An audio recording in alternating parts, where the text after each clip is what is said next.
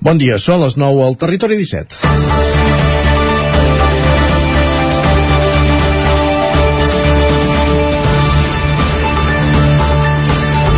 Els efectes del canvi climàtic s'acarnissen sobre nostra. Segurament molts pensareu que és una afirmació pel cap baix agosarada i un punt catastrofista i segurament tampoc us faltarà raó per poc rigorosa també. Com a titular està bé, però cal contextualitzar-lo i posar-hi dades. Per posar un exemple, de temporades de sequera n'hem viscut al llarg de les darreres dècades i segles i sempre venien acompanyades posteriorment d'una campanya de pluges que equilibrava la falta d'aigua. El que no és tan habitual són onades de calor o temperatures altes extremes com hem viscut aquests mesos de maig i juny ara mateix. La natura, quan se li posen tantes facilitats, també reacciona i d'aquí els incendis que des d'ahir cremen, per exemple, Artesa de Segre o Corbera d'Ebre, just el dia que es presentava la campanya preventiva per aquest estiu. I han ajudat les altes temperatures juntament amb les tempestes seques, llamps sense pluja provocades per la humitat baixa i les temperatures altes en superfície. Sigui o no sigui conseqüència del canvi climàtic, el període eixut que estem vivint sí que és cert, i així ho apunten els científics, que la mà de l'home ha contribuït a la pujada de temperatures global a partir de les emissions de CO2 i altres accions. Si tots són microbis, sí, tots són microbis en un món de grans empreses generadores d'emissions, però està clar que de la mateixa manera que les empreses han de canviar processos productius a nivell individual, també hem d'actuar. En parlàvem dimarts al Territori 17 amb en Gil Salvans, a la secció de Medi Ambient i Natura. La temperatura a la que posem al termostat i ajuda, però també accions com els aïllaments dels habitatges, l'ús i foment d'energies renovables o l'ús del transport públic eficient. Cert és també que podem tenir voluntat, però ens hi ha de conduir i ajudar també la inversió pública. Ja tornem a ser al cap del carrer. És dijous, 16 de juny de 2022. Comença el Territori 17 a la sintonia de Ràdio Cardedeu, Ona Codinenca, la veu de Sant Joan, Ràdio Vic, el 9 FM i el 9 TV. Territori 17, amb Isaac Moreno i Jordi Sunyer.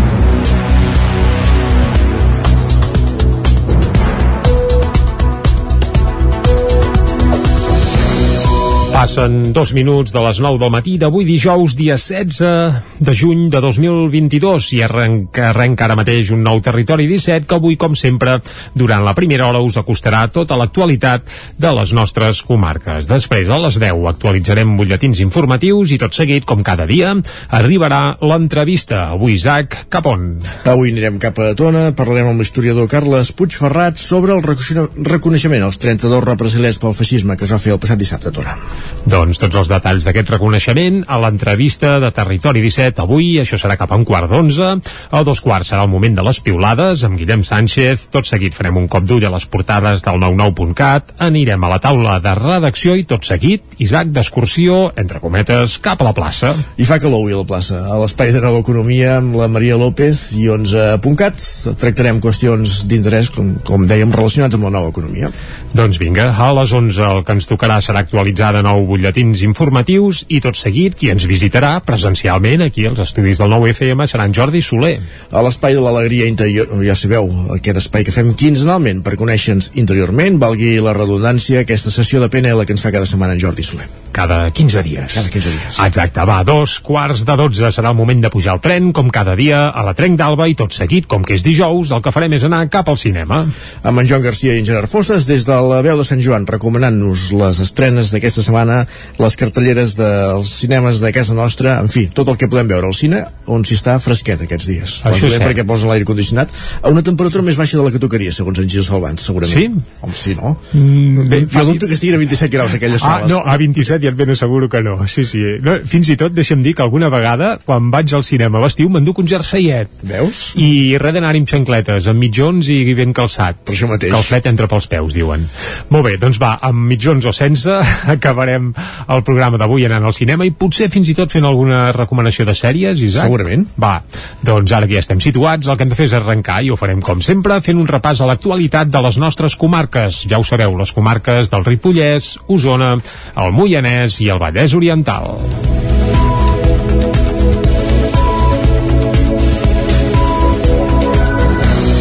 Més efectes de la cola. Aquest dimecres ja s'ha superat el llindar d'informació per ozó troposfèric a la plana de Vic. El Departament d'Acció Climàtica havia activat l'avís preventiu al matí i els nivells d'ozó van superar els 180 micrograms per metre cúbic als punts de mesurament de Tona i de Vic, segons la mateixa conselleria. En aquestes situacions es recomana a la població més vulnerable que redueixi l'exercici físic intens, especialment a l'exterior. Es considera població vulnerable les persones amb malalties cardíaques o de l'aparell respiratori, nadons, nens en edat preescolar i dones embarassades. Ahir el termòmetre encara va pujar més que dimarts. L'onada de calor va deixar màximes superiors als 37 graus en 9 de la cinquantena d'estacions que té Meteo Osona. La més alta, de 37,9 graus, va registrar-se a la Gleva. Totes les màximes d'ahir a la comarca d'Osona van ser per sobre dels 31 graus. D'altra banda, els bombers de la Generalitat han activat arreu de Catalunya l'anomenada fase M2, en virtut de la qual tots els efectius del cos s'han de presentar als seus parcs sempre i quan hi hagi vehicles amb els quals treballar. La mesura es pren després d'una tarda d'ahir molt complicada en què el cos d'extinció d'incendis va haver de fer front a sis focs de forma simultània, els més importants dels quals, que continuen descontrolats i actius, són a Artesa de Segre, a la Noguera i a Corbera d'Ebre, a la Terra Alta, i també n'hi ha un més a prop del territori 17, en aquest cas al Solsonès. Protecció Civil també ha anunciat que el pla Infocat s'ha pujat a fase d'emergència 1 pels diferents incendis actius i simultanis. Doncs, com dèiem, derivades de la calor, incendi ozó. Ozó vol dir contaminació de l'aire, per tant, reduir l'activitat a l'aire públic on se superin els llindars és més que recomanable. Més I qüestions. Tant. La Generalitat destinarà dos milions i mig d'euros al sector firal de Catalunya. Ho així ho va anunciar ahir el director general de Comerç, Jordi Torrades, a la posada en marxa de la 29a edició del Congrés de Fires de Catalunya, una trobada de tècnics de turisme i professionals del sector que entre ahir i avui es reuneixen al Seminari de Vic. Això que deies, la Generalitat destinarà dos milions i mig d'euros en una nova línia d'ajudes pel sector de les fires a Catalunya.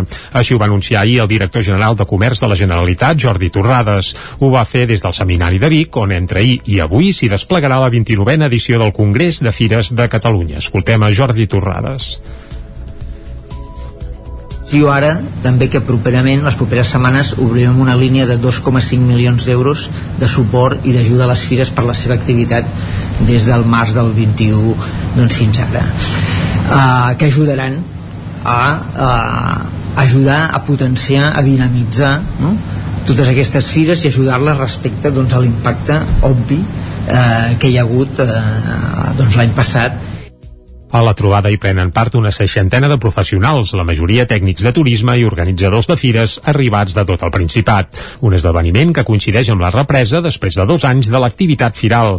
El Departament d'Empresa i Treball encara la segona meitat de l'any amb optimisme, conscients però que el sector encara haurà de pedalar per assolir les, xif les xifres del 2019, un any que va tancar amb 485 fires i un impacte de 7,7 milions d'euros. Coralí Cunyat és la presidenta de la Federació de Fires de Catalunya som un sector motor en l'economia del nostre país i per tant l'objectiu en l'actualitat és continuar impulsant i contribuint en la, en la generació de, de riquesa. L'objectiu actual és recuperar els esdeveniments i celebrar els esdeveniments. La 29a edició del Congrés té d'entrada dos grans objectius, traçar un full de ruta perquè el sector pugui contribuir a la sostenibilitat i donar eines per gestionar el treball sota pressió al que sovint han de fer front els professionals que s'hi dediquen. Segons l'últim informe que ha presentat Vic Fires durant l'any 2021, a la capital d'Osona s'hi van organitzar 13 esdeveniments, tots adaptats a les mesures sanitàries de cada moment. El pressupost general de l'organisme autònom de Fires i Mercats de Vic va ser de 2,2 milions d'euros i el nombre de visitants presencials a les les fires que es van fer a la ciutat eh, de Vic va superar els 354.000 espectadors. Els Mossos d'Esquadra detenen una ex-treballadora de l'empresa que gestiona la zona blava de Manlleu per haver robat presumptament 9.000 euros de la recaptació de parquímetres. Doncs sí, déu nhi I també han detingut el seu home, a parella de l'ex-treballadora. A tots dos se'ls atribueixen 34 delictes de robatori amb força, un d'ells en grau de temptativa. Els robatoris els feien utilitzant una còpia de la clau dels parquímetres. La investigació policial va començar mitjans del mes d'abril, quan l'empresa va detectar que li estaven sostraient la recaptació de les màquines. Els Mossos van determinar que els lladres tenien la clau perquè els parquímetres mai apareixien forçats. Els robatoris es feien de nit i sempre en els parquímetres amb més recaptació. La detenció es va produir dijous passat, infraganti, en una de les màquines situades al carrer Sant Ferran. Els detinguts van passar a disposició del jutjat d'instrucció en funcions de guàrdia de Vic. Canviem de comarca, anem cap al Vallès Oriental. L'Esquerra Republicana de Catalunya proposa al Parlament un tren orbital i millores a la xarxa viària com a alternatives al quart cinturó. Ona Codinenca, que era el campàs. Esquerra Republicana va presentar aquest dimecres al Parlament una proposta alternativa al quart cinturó basada en la mobilitat sostenible enfront l'opció que van qualificar de caduca i insostenible plantejada pel govern espanyol. La portaveu adjunta del grup republicà a la cambra catalana, Meritxell Serret, va detallar que la proposta planteja un tren orbital i una millor connexió amb rodalies i ferrocarrils, millora la xarxa viària secundària del Vallès i les connexions entre els vallesos, protegeix l'entorn agroforestal i crea un corredor biològic per protegir la fauna, a més de l'exigència del Ministeri que aturi definitivament el projecte del quart cinturó. El pla que van proposar recull una proposta de resolució que serà debatuda a la Comissió de Polítiques Digitals i Territori i que els republicans esperen que rebi el suport d'altres grups parlamentaris. El casal de joves La Paqui de Cardedeu organitza per primera vegada una fira d'art per joves artistes del Vallès Oriental. Núria Lázaro, Ràdio Televisió Cardedeu. El pati de Vilapaqui t'ha acollit la primera fira d'art on joves artistes han pogut exposar els seus treballs. El projecte ha estat organitzat pel casal de joves de La Paqui de Cardedeu, Pau Tutor de La Paqui. Això és increïble perquè hem donat un espai a joves artistes perquè puguin desenvolupar-se i seguir fent les seves coses i amb zero pressupost. Zero pressupost. Zero. O Sí, sigui, sí, sí. volem fer-ne més perquè justament perquè això sigui una tirada i pugui haver una xarxa de, de gent que es doni suport perquè toca, és necessari Les paradetes han estat formades per il·lustracions, roba, crochet, costura i també un escenari obert on els joves han pogut pujar i expressar-se. La meva paradeta tinc ara mateix làmines, que són, la majoria són il·lustracions que tinc en el llibre, que per mala sort no m'han arribat les còpies, és el meu primer llibre que acaba de sortir fa res, i tinc aquí les còpies de prova perquè les puguin fullejar i puguin reservar si volen. Muchísimas cosas para vender, pero bueno, eh, hay fotos de tatuajes porque soy tatuadora, eh, hay ilustraciones que he hecho yo para clase y tal, y luego pues aparte vendo algunos prints y pegatinas. pues són quadros sobretot abstractes perquè m'agrada molt el món de l'art però com no sé dibuixar i no sé il·lustrar vaig dir què me queda? Pues l'abstracto pues les, les il·lustracions. Tinc tant il·lustracions amb mida gran, amb mida més petitona, faig mostres de posabassos també, eh, els lienzos, una miqueta d'això. També faig bolsos i material que es pot demanar per encàrrec després. A més a més, la Paqui ja està preparant futurs projectes. Per exemple, l'1 de juliol es farà l'OPAC en honor al mes de l'orgull del col·lectiu LGTBI i es farà la tercera edició de la Paqui Raps durant l'estiu. Esports. El Club Bàsquet Can de Bànol celebra el seu 50è aniversari amb Xavi Rabaceda, Laia Flores i Cito Alonso de convidats. Isaac Muntades, la veu de Sant Joan. El Club Bàsquet Camp de Bànol es va fundar l'any 1972 i enguany celebra el seu 50è aniversari amb un cap de setmana ple d'activitats. De fet, els actes ja comencen aquest divendres al vespre al pavelló Mercè Guix amb l'entrega per part de la Federació Catalana de Bàsquet d'una placa a l'entitat per commemorar l'efemèride. Just després, l'entrenador de l'UCAM Múrcia de l'ACB i ex del Barça, Cito Alonso, farà una classe magistral per tots els membres del club. Els actes seguiran dissabte i diumenge, com explicava el president de la comissió del cinquantenari, Valentí Morera. El dissabte, en sessions de matí i tarda, farem competicions dedicades només a jugadors del club, competicions de two-ball, que en diuen, i d'habilitats. El de two-ball és una sèrie de, de tirs de, de certes distàncies, o sigui, hi haurà premis pels guanyadors i les hores de començament seran aproximadament a partir de les 10 del matí i a les 4 de la tarda. Diumenge ja, a partir de les 11.30 del matí, al pavelló, comptarem amb la presència de dos jugadors internacionals absoluts. Tots dos embarrals a la comarca, un és la Laia Flores, que és actual base de, l'Uni Girona i exjugadora de la Universitat Americana i també internacional, i d'en Xavi Rabaceda, tots coneixen campió del món i exjugador del Futbol Club Barcelona, que ens parlaran un xic de les seves experiències. Després d'aquestes xerrades, a la plaça coberta del barri de l'estació es farà un dinar de gala per celebrar el cinquantenari. Durant l'any també està previst que l'exjugador del Manresa, Rafa Martínez, vingui a fer classes de tir i al setembre es disputaran les finals dels campionats de Catalunya de la categoria infantil femení de nivell A. En l'actualitat, el Club Bàsquet Camp de Bànol té una bona salut perquè compta amb nou equips en competició, a banda de les escoletes de la Vila i de Sant Joan de les Abadeses. D'aquests equips n'hi ha 6 de femenins i 3 de masculins, que equivalen a uns 130 jugadors i unes 200 persones que hi estan vinculades d'una manera o altra. Per altra banda, l'equip Camp de Banolenc també s'ha expandit arreu de la comarca arran de les obres de remodelació del pavelló. Ho comentava el president del club, Ramon Revés. Aquestes tres temporades que no vam poder jugar a, a casa, per dir una manera, doncs sí que ens van atendre molt bé aquí a Sant Joan i a part de que hi ha molts jugadors i jugadores,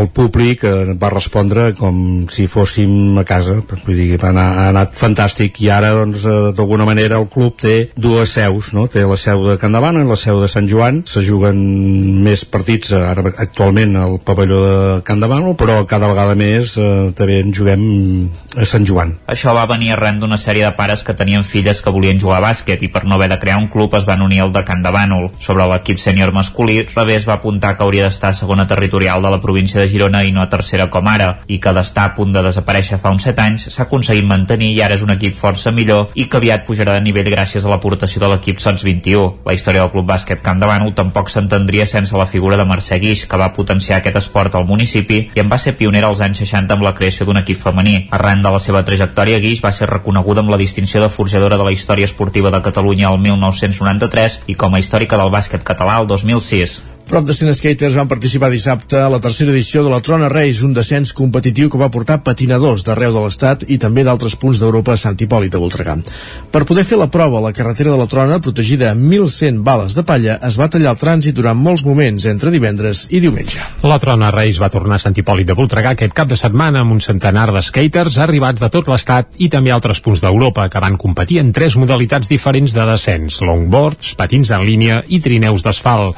L'activitat ja va començar divendres amb els entrenaments lliures i va acabar diumenge al migdia amb la final de longboards. La prova consistia en una baixada de dos quilòmetres i mig que començava a la meitat de la carretera de la Trona i acabava ja dins de Sant Hipòlit, just on hi ha l'skate park. La Trona Reis es va fer per primer cop el 2019 amb la voluntat de potenciar una competició a un poble on l'esport sobre rodes està molt arrelat. En aquest cas parlem de l'hoquei patins. Ho explica Alfred Cano del Club Longboard Mediterrània de Barcelona. Per què estem a Sant Hipòlit de Voltregà? Doncs sobretot perquè té una carretera preciosa amb una cultura de carrera molt important i alhora el poble està molt involucrat en aquest esport de descens amb longboard, skateboard, eh, patinatge en línia i street luge, que són els joves que es tiren estirats. Preparar una carretera mítica com la Trona per un descens d'aquest tipus no és una tasca fàcil. Afortunadament, fa poc a Sant Hipòlit s'ha creat el club d'skate La Rampa, que també es va involucrar en l'organització de la competició al costat de Longboard Mediterrània de Barcelona, que és qui va dur, qui va dur, volem dir, la prova al municipi ara fa 3 anys. Escoltem a Toni Soldavila, de la Rampa, explicant com s'ho van fer per preparar la trona. Per poder-la utilitzar hem de fer un, un tinglado com el que hem muntat aquesta vegada, un lío que és eh, equipar tota la, tota la carretera amb bales de palla, de dalt a baix, que estan 1.100 bales de palla per protegir totes les possibles accidents i organitzar-ho tot amb vigilants a tots els trams per poder controlar que no, que no hi hagin cap cotxe ni, ni motos ni bicis al, al moment que la gent baixa. O sigui que això és una cosa que s'ha de preparar molt i per això també tenim tanta gent que vol venir-ho a fer perquè no és una cosa que sigui fàcil de trobar carreteres tancades per poder fer descensos d'aquests.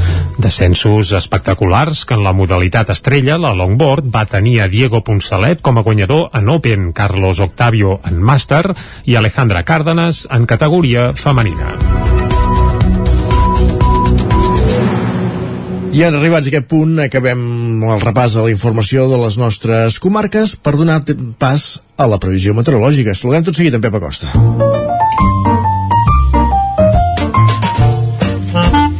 Casa Terradellos us ofereix el temps. Doncs vinga, va, saludem en Pep, que està, bé, una mica acollonit, ja ho podem dir ras i curt, amb aquesta calorada. Només ell. Sí, no, una mica tots, eh, evidentment. Va, Pep, bon dia. Hola, molt bon dia. I molt bona hora. Benvinguts aquí. Estem a l'espai del temps. Correcte.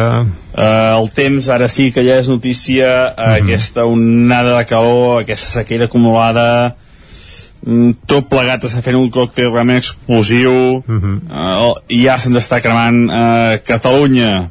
Hi ha dos grans focs, ahir en venim a haver moltíssims, però els dos grans que, que més preocupen són el de Valdomar, eh, que parteix de Segre, aquesta zona que aporta unes 500 hectàrees cremades, potencial per 20.000, i una altra a Corbera d'Ebre, porta 200-600 hectàrees cremades, potencial de 8.000, 10.000 hectàrees. Uh, val a dir que, que es veia venir, es veia venir aquesta situació. Uh, hi han tots els bombers a Catalunya activats, una situació que em comentava un amic meu que treballa en un parc uh, que no, no he vist mai des de que, que és bomber. Vull dir, la situació eh, és, és, és, és extremadament greu.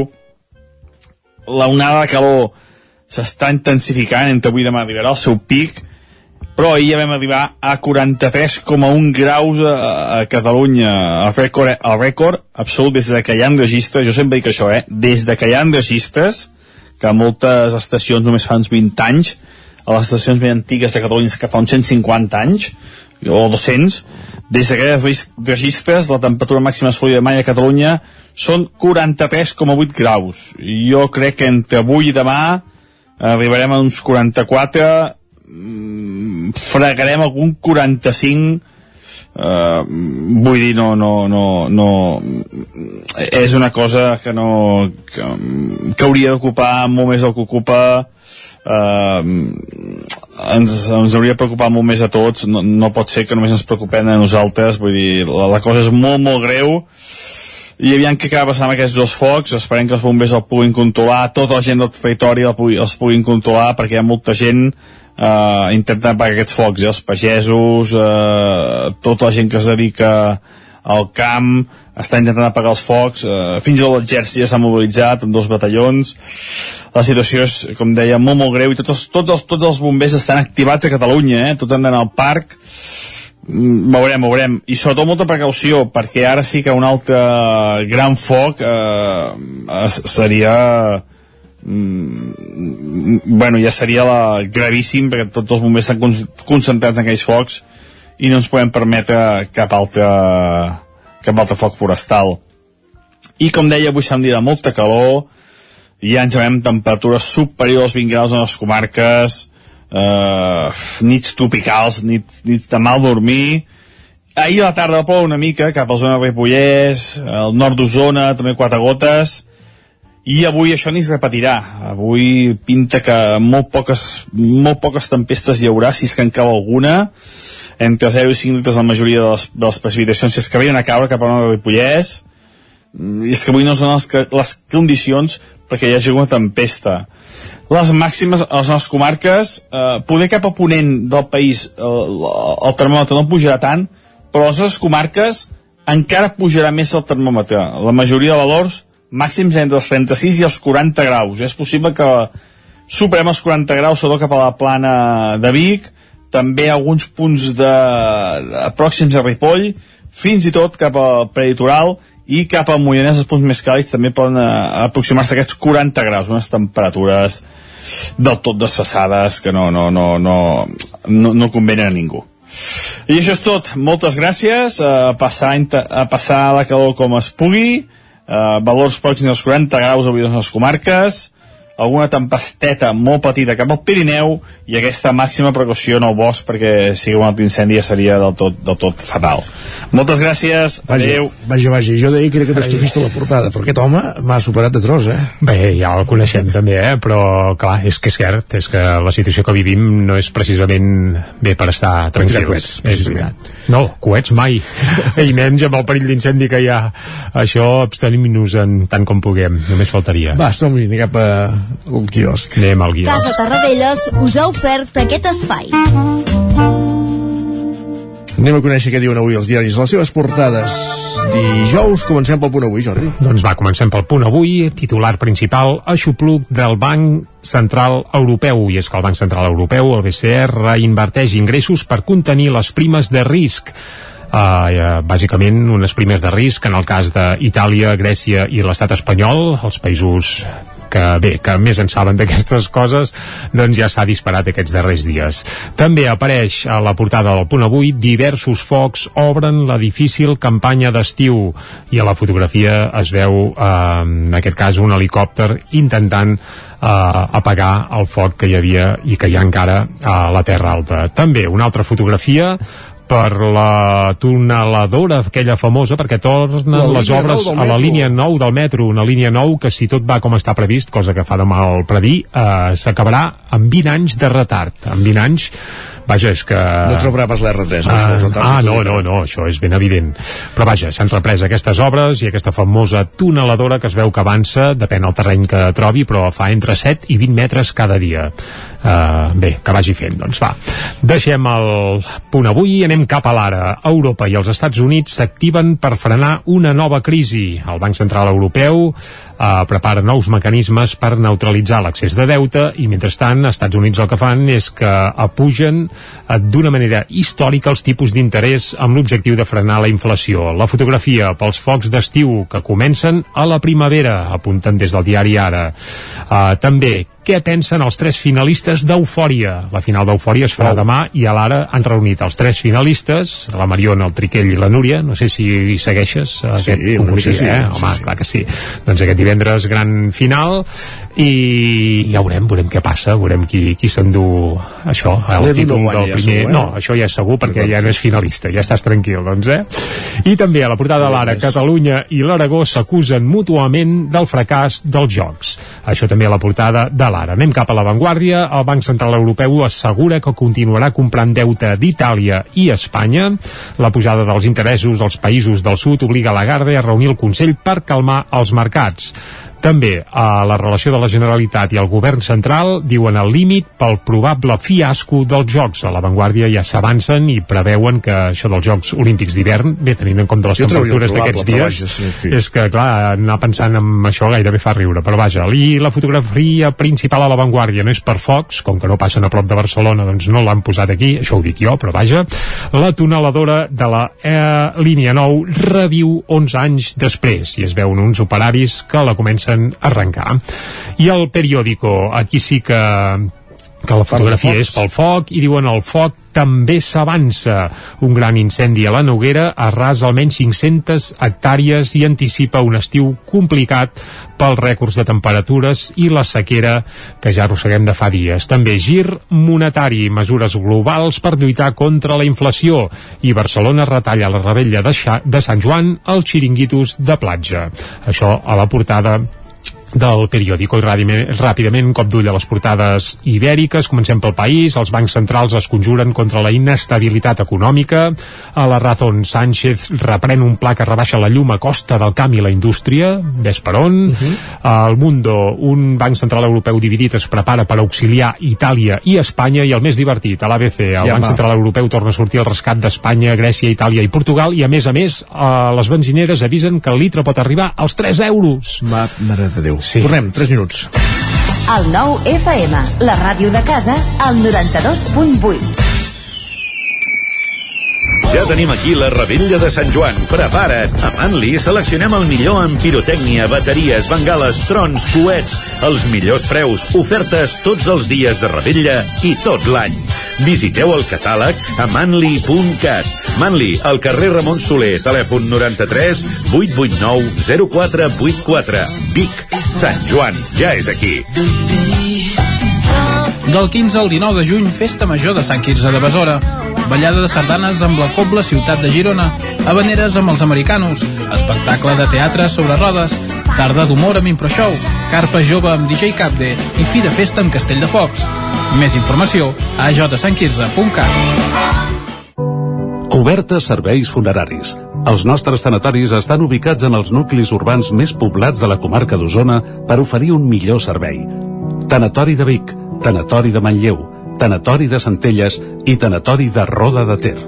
Sabem que són moments difícils i per això el nostre compromís és atendre-us en tot moment amb un tracte humà, sensible i respectuós. Cobertes serveis funeraris.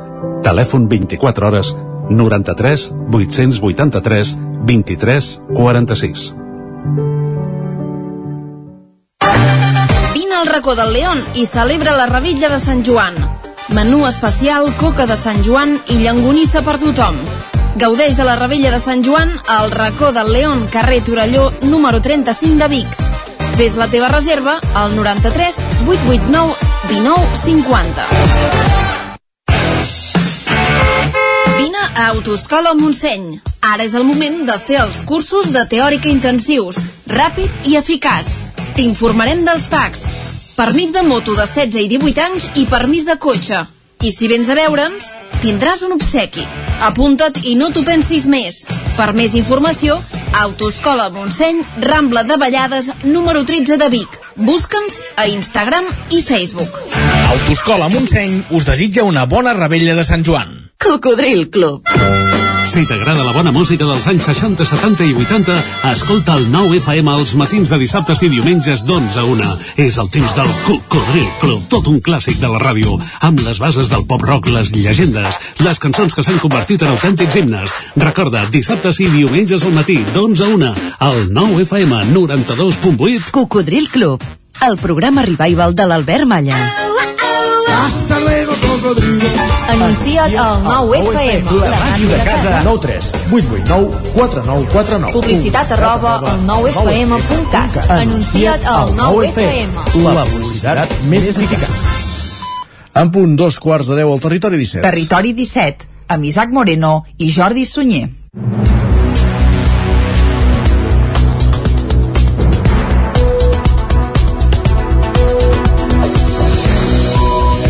I a dos quarts de deu en punt d'avui dijous, dia 16 de juny de 2022, el que farem de seguida és acostar-vos de nou tota l'actualitat de les nostres comarques. Això sí, ja us avancem tot el que farem fins al punt de les 12 del migdia. Que Una no mica... cosa. No, home, molt, molt, molt, però ho resumim, intentarem resumir-ho en un minut i mig. Va. Va. Una mica abans de les 10, música, com cada dia. I no sé si recordes, Isaac, que fa uns quants dies vam avançar el primer single d'un cantautor d'Olost, que es diu David Canal, que és un tro, que és un rumbero, porta la rumba sí. d'allò, però ara es decanta una mica més pel pop també. A la tardor traurà un primer disc en solitari i avui n'avançarem un segon single d'aquest eh, seu nou treball que apareixerà a la tardor. Que parla d'un astre i d'un satèl·lit, vaja, vaja. Correcte, correcte. Parla del Sol i de la Lluna i és una peça fantàstica que estrenarem en exclusiva aquí a, a Territori 17.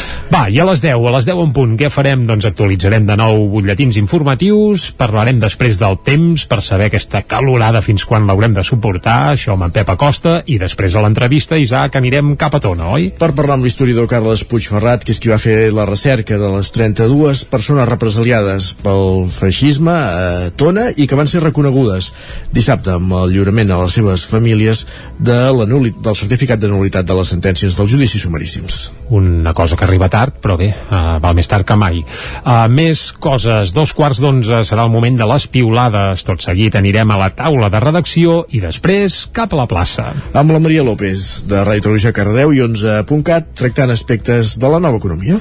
A les 11 actualitzarem de nou butlletins informatius i tot seguit qui passarà per aquí a Territori 17 serà en Jordi Soler. El nostre instructor de PNL, de programació neurolingüística, de Mindfulness, a l'espai d'alegria interior, per conèixer-nos interiorment. A dos quarts de dotze serà el moment de pujar la R3, com cada dia, a la Trenc d'Alba, i tot seguit, com a bon dijous que som, el que farem és anar virtualment o com vulguem cap al cinema, per això, eh? Per conèixer les estrenes de la setmana, la cartellera als cinemes de casa nostra de la mà d'en Joan Garcia i en Gerard Foses de la ve des de la veu de Sant Joan, just abans de fer algunes recomanacions també de sèries abans d'acabar el programa. Doncs vinga, tot això ho farem des d'ara mateix i fins al punt de les 12 del migdia. I ara el que ens toca per seguir, com sempre, és acostar-vos de nou l'actualitat de les nostres comarques. Ja ho sabeu, les comarques del Vallès Oriental, el Moianès, Osona i el Ripollès.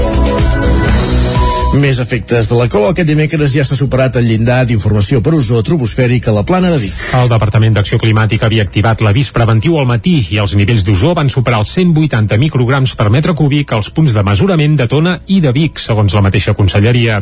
En aquestes situacions es recomana a la població més vulnerable que redueixi l'exercici físic intens, especialment a l'exterior.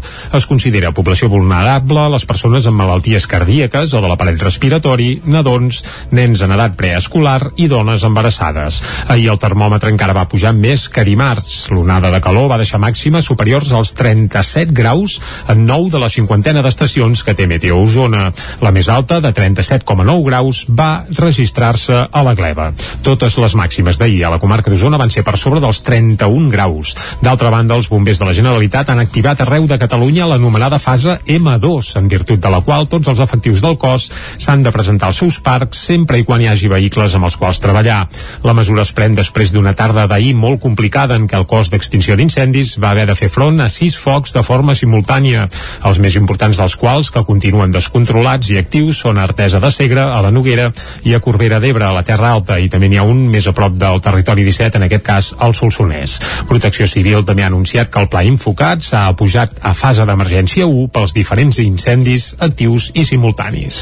Doncs, com dèiem, derivades de la calor, incendi ozó. Ozó vol dir contaminació de l'aire, per tant, reduir l'activitat a l'aire públic on se superin els llindars és més que recomanable. Més I qüestions. La Generalitat destinarà dos milions i mig d'euros al sector firal de Catalunya. Ho va així ho va anunciar ahir el director general de Comerç, Jordi Torrades, a la posada en marxa de la 29a edició del Congrés de Fires de Catalunya, una trobada de tècnics de turisme i professionals del sector que entre ahir i avui eh, es reuneixen al Seminari de Vic.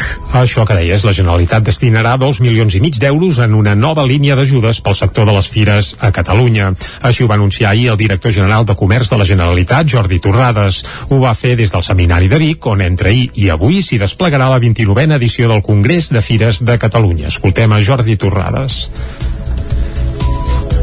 Diu ara també que properament, les properes setmanes, obrirem una línia de 2,5 milions d'euros de suport i d'ajuda a les fires per la seva activitat des del març del 21 doncs, fins ara. Uh, que ajudaran a uh, ajudar a potenciar, a dinamitzar no?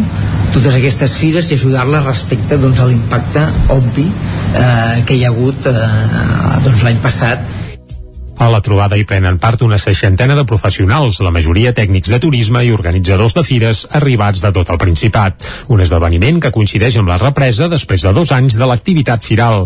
El Departament d'Empresa i Treball encara la segona meitat de l'any amb optimisme, conscients però que el sector encara haurà de pedalar per assolir les, xif les xifres del 2019, un any que va tancar amb 485 fires i un impacte de 7,7 milions d'euros. Coralí Cunyat és la presidenta de la Federació de Fires de Catalunya. Som un sector motor en l'economia del nostre país i per tant l'objectiu en l'actualitat és continuar impulsant i contribuint en la, en la generació de, de riquesa.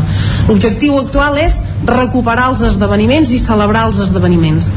La 29a edició del Congrés té d'entrada dos grans objectius, traçar un full de ruta perquè el sector pugui contribuir a la sostenibilitat i donar eines per gestionar el treball sota pressió al que sovint han de fer front els professionals que s'hi dediquen. Segons l'últim informe que ha presentat Vic Fires durant l'any 2021, a la capital d'Osona s'hi van organitzar 13 esdeveniments, tots adaptats a les mesures sanitàries de cada moment. El pressupost general de l'organisme autònom de Fires i Mercats de Vic va ser de 2,2 milions d'euros i el nombre de visitants presencials a les fires que es van fer a la ciutat eh, de Vic va superar els 354.000 espectadors. Els Mossos d'Esquadra detenen una ex-treballadora de l'empresa que gestiona la zona blava de Manlleu per haver robat presumptament 9.000 euros de la recaptació de parquímetres. Doncs sí, déu nhi I també han detingut el seu home, a parella de l'ex-treballadora. A tots dos se'ls atribueixen 34 delictes de robatori amb força, un d'ells en grau de tentativa. Els robatoris els feien utilitzant una còpia de la clau dels parquímetres. La investigació policial va començar mitjans del mes d'abril, quan l'empresa va detectar que li estaven sostraient la recaptació de les màquines. Els Mossos van determinar que els lladres tenien la clau perquè els parquímetres mai apareixien forçats. Els robatoris es feien de nit i sempre en els parquímetres amb més recaptació. La detenció es va produir dijous passat, infraganti, en una de les màquines situades al carrer Sant Ferran. Els detinguts van passar a disposició del jutjat d'instrucció en funcions de guàrdia de Vic. Canviem de comarca, anem cap al Vallès Oriental. L'Esquerra Republicana de Catalunya proposa al Parlament un tren orbital i millores a la xarxa viària com a alternatives al quart cinturó. Ona Codinenca, que era el campàs. Esquerra Republicana va presentar aquest dimecres al Parlament una proposta alternativa al quart cinturó basada en la mobilitat sostenible enfront l'opció que van qualificar de caduca i insostenible plantejada pel govern espanyol. La portaveu adjunta del grup republicà a la Cambra Catalana, Meritxell Serret, va detallar que la proposta planteja un tren orbital i una millor connexió amb rodalies i ferrocarrils, millora la xarxa viària secundària del Vallès i les connexions entre els vallesos, protegeix l'entorn agroforestal i crea un corredor biològic per protegir la fauna, a més de l'exigència del Ministeri que aturi definitivament el projecte del quart cinturó. El pla que van proposar recull una proposta de resolució que serà debatuda a la Comissió de Polítiques Digitals i Territori i que els republicans esperen que rebi el suport d'altres grups grups parlamentaris. El casal de joves La Paqui de Cardedeu organitza per primera vegada una fira d'art per joves artistes del Vallès Oriental. Núria Lázaro, Ràdio Televisió Cardedeu. El pati de Vilapaqui t'ha acollit la primera fira d'art on joves artistes han pogut exposar els seus treballs. El projecte ha estat organitzat pel casal de joves de La Paqui de Cardedeu, Pau Tutor de La Paqui. Això és increïble perquè hem donat un espai a joves artistes perquè puguin desenvolupar-se i seguir fent les seves coses. I amb zero pressupost.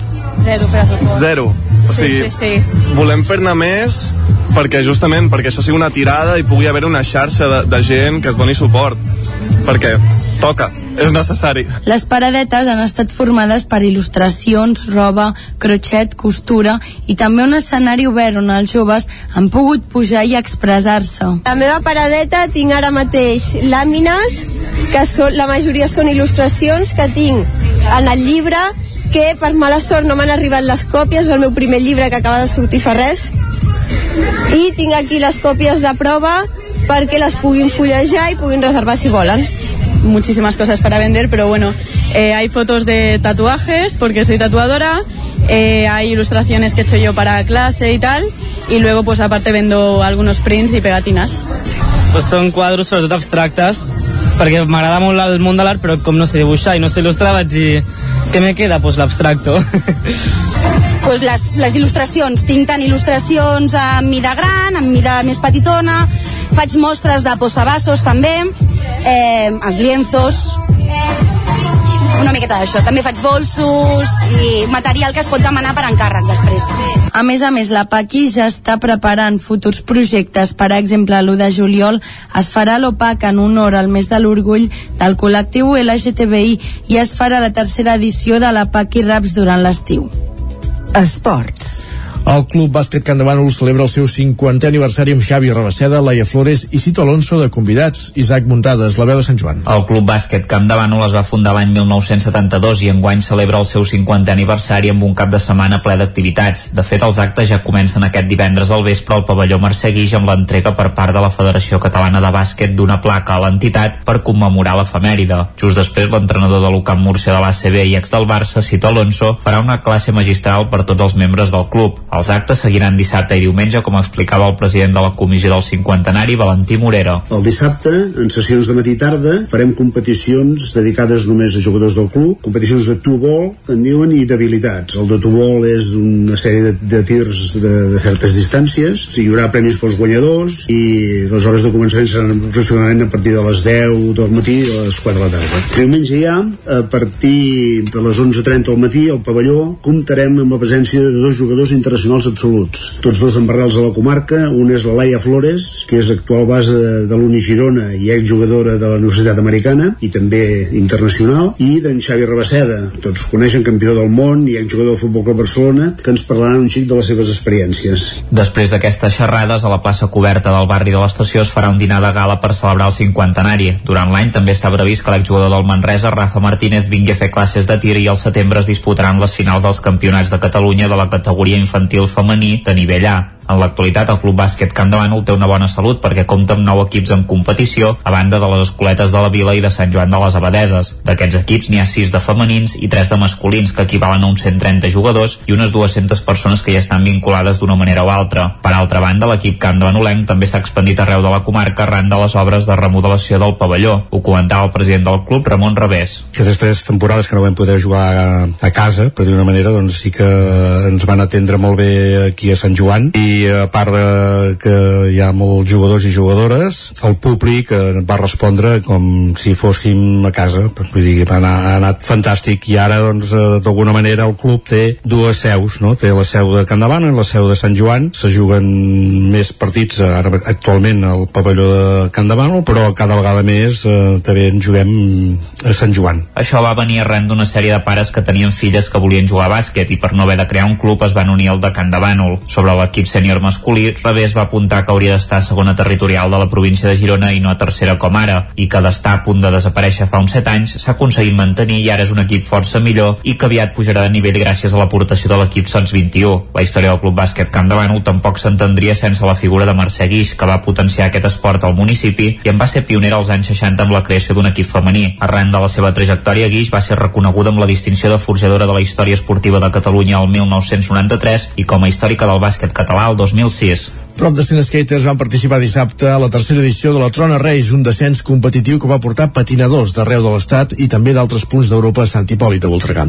Per poder fer la prova, la carretera de la Trona, protegida amb 1.100 bales de palla, es va tallar el trànsit durant molts moments entre divendres i diumenge. La Trona Reis va tornar a Sant Hipòlit de Voltregà aquest cap de setmana amb un centenar de skaters arribats de tot l'Estat i també altres punts d'Europa que van competir en tres modalitats diferents de descens, longboards, patins en línia i trineus d'asfalt. L'activitat ja va començar divendres amb els entrenaments lliures i va acabar diumenge al migdia amb la final de longboards. La prova consistia en una baixada de dos quilòmetres i mig que començava a la meitat de la carretera de la Trona i acabava ja dins de Sant Hipòlit, just on hi ha l'skate park. La Trona Reis es va fer per primer cop el 2019 amb la voluntat de potenciar una competició a un poble on l'esport sobre rodes està molt arrelat. En aquest cas parlem de l'hoquei patins. Ho explica Alfred Cano del Club Longboard Mediterrània de Barcelona. Per què estem a Sant Hipòlit de Voltregà? Doncs sobretot perquè té una carretera preciosa amb una cultura de carrera molt important i alhora el poble està molt involucrat en aquest esport de descens amb longboard, skateboard, eh, patinatge en línia i street luge, que són els joves que estiren estirats. Preparar una carretera mítica com la Trona per un descens d'aquest tipus no és una tasca fàcil. Afortunadament, fa poc a Sant Hipòlit s'ha creat el club d'skate La Rampa, que també es va involucrar en l'organització de la competició al costat de Longboard Mediterrània de Barcelona, que és qui va dur, qui va dur, volem dir, la prova al municipi ara fa 3 anys. Escoltem a Toni Soldavila de La Rampa explicant com s'ho van fer per preparar la Trona. Per poder-la fer utilitzar hem de fer un, un tinglado com el que hem muntat aquesta vegada, un lío que és eh, equipar tota la, tota la carretera amb bales de palla, de dalt a baix, que estan 1.100 bales de palla per protegir totes les possibles accidents i organitzar-ho tot amb vigilants a tots els trams per poder controlar que no, que no hi hagin cap cotxe ni, ni, ni motos ni bicis al, al moment que la gent baixa. O sigui, això és una cosa que s'ha de preparar molt i per això també tenim tanta gent que vol venir-ho a fer perquè no és una cosa que sigui fàcil de trobar carreteres tancades per poder fer descensos d'aquests. Descensos espectaculars que en la modalitat estrella, la longboard, va tenir a Diego Poncelet com a guanyador en Open, Carlos Octavio en Master i Alejandra Cárdenas en categoria femenina. I en arribats a aquest punt acabem el repàs de la informació de les nostres comarques per donar pas a la previsió meteorològica. Saludem tot seguit en Pep Acosta.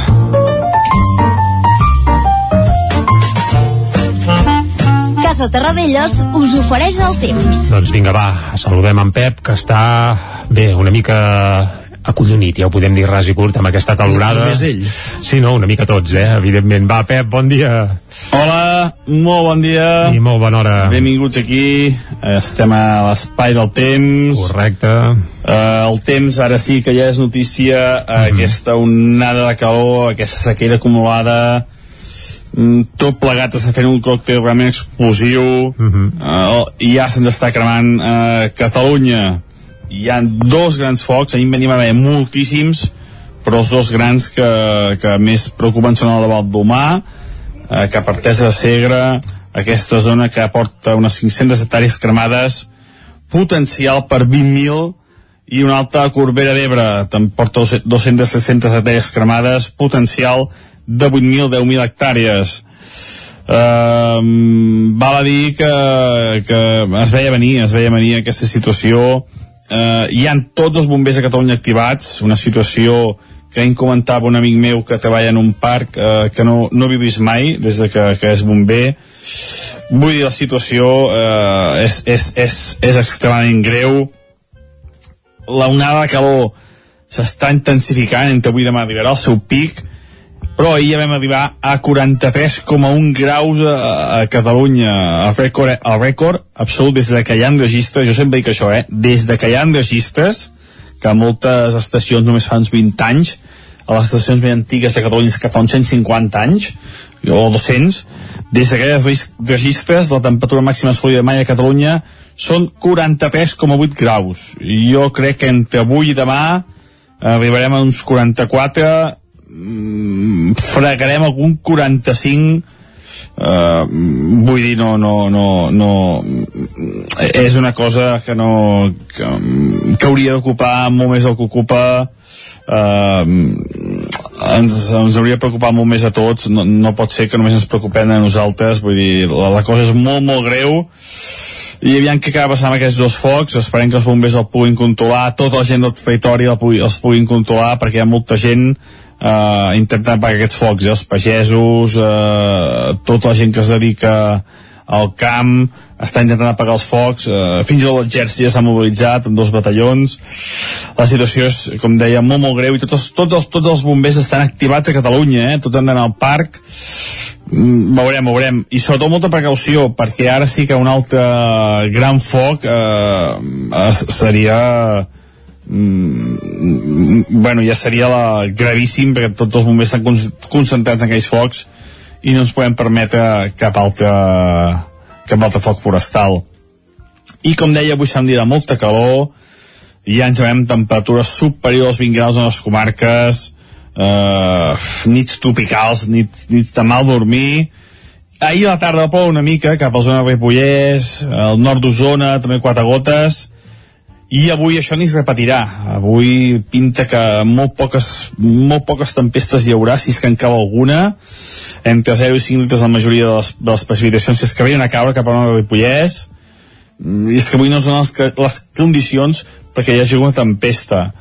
Les màximes a les nostres comarques eh, poder cap a ponent del país eh, el termòmetre no pujarà tant però a les nostres comarques encara pujarà més el termòmetre. La majoria de valors màxims entre els 36 i els 40 graus. És possible que superem els 40 graus, sobretot cap a la plana de Vic, també alguns punts de, de pròxims a Ripoll, fins i tot cap al preditoral i cap al Moianès, els punts més càlids també poden eh, aproximar-se a aquests 40 graus, unes temperatures del tot desfassades que no, no, no, no, no, no convenen a ningú. I això és tot. Moltes gràcies. A passar, a passar la calor com es pugui eh, valors pròxims als 40 graus avui a les comarques, alguna tempesteta molt petita cap al Pirineu i aquesta màxima precaució en el bosc perquè si un altre incendi ja seria del tot, del tot fatal. Moltes gràcies, vaja, adeu. Vaja, vaja, jo deia que era catastrofista la portada, però aquest home m'ha superat de tros, eh? Bé, ja el coneixem també, eh? però clar, és que és cert, és que la situació que vivim no és precisament bé per estar tranquils. Coets, és veritat. No, coets mai. I menys amb el perill d'incendi que hi ha. Això abstenim-nos en tant com puguem, només faltaria. Va, som-hi, anem cap a un quiosc. Anem al quiosc. Casa Tarradellas us ha ofert aquest espai. Anem a conèixer què diuen avui els diaris, les seves portades. Dijous comencem pel punt avui, Jordi. Doncs va, comencem pel punt avui. Titular principal, aixopluc del Banc Central Europeu. I és que el Banc Central Europeu, el BCE, reinverteix ingressos per contenir les primes de risc. Uh, bàsicament unes primes de risc en el cas d'Itàlia, Grècia i l'estat espanyol, els països que bé, que més en saben d'aquestes coses, doncs ja s'ha disparat aquests darrers dies. També apareix a la portada del punt avui diversos focs obren la difícil campanya d'estiu i a la fotografia es veu eh, en aquest cas un helicòpter intentant eh, apagar el foc que hi havia i que hi ha encara a la Terra Alta. També una altra fotografia per la tuneladora aquella famosa perquè tornen les obres a la línia 9 del metro, una línia 9 que si tot va com està previst, cosa que fa de mal predir eh, s'acabarà amb 20 anys de retard, amb 20 anys vaja, és que... No trobarà pas l'R3 ah, ah, no, no, no, això és ben evident. Però vaja, s'han reprès aquestes obres i aquesta famosa tuneladora que es veu que avança, depèn del terreny que trobi però fa entre 7 i 20 metres cada dia. Uh, bé, que vagi fent, doncs va. Deixem el punt avui i anem anem cap a l'ara. Europa i els Estats Units s'activen per frenar una nova crisi. El Banc Central Europeu eh, prepara nous mecanismes per neutralitzar l'accés de deute i, mentrestant, als Estats Units el que fan és que apugen eh, d'una manera històrica els tipus d'interès amb l'objectiu de frenar la inflació. La fotografia pels focs d'estiu que comencen a la primavera, apunten des del diari Ara. Eh, també què pensen els tres finalistes d'Eufòria. La final d'Eufòria es farà oh. demà i a l'ara han reunit els tres finalistes, la Mariona, el Triquell i la Núria. No sé si hi segueixes sí, aquest sí, sí, eh? Home, sí, sí. clar que sí. Doncs aquest divendres gran final i ja veurem, veurem què passa, veurem qui, qui s'endú això, el títol no del ja primer... segur, eh? No, això ja és segur perquè ja no és finalista, ja estàs tranquil, doncs, eh? I també a la portada de l'Ara, Catalunya i l'Aragó s'acusen mútuament del fracàs dels Jocs. Això també a la portada de l'Ara. Anem cap a l'avantguàrdia. El Banc Central Europeu assegura que continuarà comprant deute d'Itàlia i Espanya. La pujada dels interessos dels països del sud obliga Lagarde a reunir el Consell per calmar els mercats.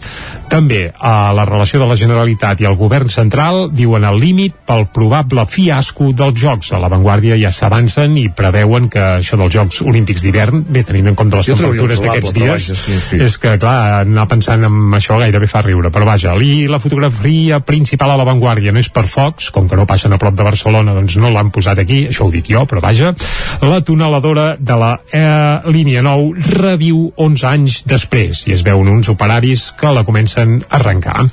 I el periòdico, aquí sí que que la fotografia és pel foc i diuen el foc també s'avança. Un gran incendi a la Noguera arrasa almenys 500 hectàrees i anticipa un estiu complicat pels rècords de temperatures i la sequera que ja arrosseguem de fa dies. També gir monetari, mesures globals per lluitar contra la inflació i Barcelona retalla la rebella de, Xa de Sant Joan als xiringuitos de platja. Això a la portada del periòdico. I ràpidament un cop d'ull a les portades ibèriques. Comencem pel país, els bancs centrals es conjuren contra la inestabilitat econòmica. A la Razón Sánchez reprèn un pla que rebaixa la llum a costa del camp i la indústria. Ves per on. Uh -huh. al Mundo, un banc central europeu dividit es prepara per auxiliar Itàlia i Espanya. I el més divertit a l'ABC, el Ja Banc. Central Europeu torna a sortir al rescat d'Espanya, Grècia, Itàlia i Portugal. I a més a més eh, les benzineres avisen que el litre pot arribar als 3 euros Uf, Uf. és que 3 euros, eh? Vaig, vaig sentir un especialista l'altre dia en Maneskin i On que Mhm. deia que, que no, que no, que no patim, però en fi, és igual. Oh, que no patim. Fa un any et diuen que aniria a dos euros i tampoc ens ho haguéssim acabat de creure No, no, no. i si ens haguessin dit no patiu, no haguéssim patit i goita on estem. Hi som. Uh, doncs a l'ABC, que bé, a l'hora de fer prediccions en segons quins àmbits, de vegades cal dir que l'encerten. Encerten. Uh, amb benzines no ho sabem, però bé, mm, 3 euros, és que... No, impensable ara mateix. Sort que aquell expresident del Barça, del qual el tema monetari ens ve al cap segur, quan pensem en ah. euros, eh, ja, ja no hi és i no ho veu, pobre. Però vaja, va, deixem els temes monetaris, el Banc Central Europeu, aparquem també per un moment els incendis i posem-hi música i ja hem avançat abans que avui el que farem és estrenar eh, una peça que es titula Sol i Lluna que és el més nou del David Canal. El David Canal és un músic que ara mateix viu a Barcelona, però que té les arrels a Olost de Lluçanès. Allà va fer els seus primers passos com a músic, amb grups com Absolut, també començant els seus passos com a cantautor, com a versionador, perquè bàsicament es dedica a tocar en bars i locals, sobretot de, de Barcelona, fent versions, tocant rumba, i a partir de la tardor ho farà també amb un projecte propi, amb el seu mateix nom, David Canal, on hi haurà peces com una que vam eh, descobrir fa una desena de dies aquí a Territori 17, o com, aquest, o com aquesta, Sol i Lluna, el seu segon single, que s'avança del que serà el seu primer projecte en solitari. L'escoltem? Som Doncs vinga, David Canal, Sol i Lluna. lluny em fa tindre el cor com un puny no sé si serà veritat o simplement m'ho estic imaginant una vida esperant-te. I ara que tinc al davant no puc abraçar-te. Un carrer que ens separa. No deixo de pensar en la teva cara i la lluna que mai s'arriben a abraçar. Quan ella se'n va, ell surt per allà tan diferents i essencials com la nit al dia que els miren al passar. Però mai s'arriben a tocar, no. Però mai s'arriben a tocar, no, no. Però mai s'arriben a tocar, no. No,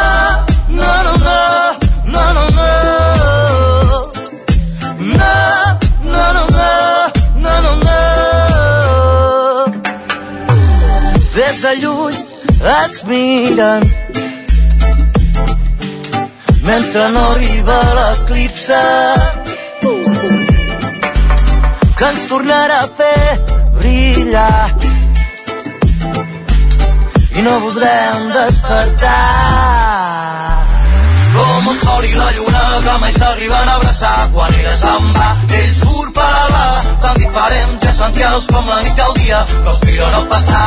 Però mai s'arriben a tocar, no. Però mai s'arriben a tocar, no, no. Però mai s'arriben a tocar, no. Oh yeah. Però mai, mai, mai, mai, mai, mai. Mai s'arriben a tocar. I ella l'espera ell se la mira i ella l'espera. I ell se la mira.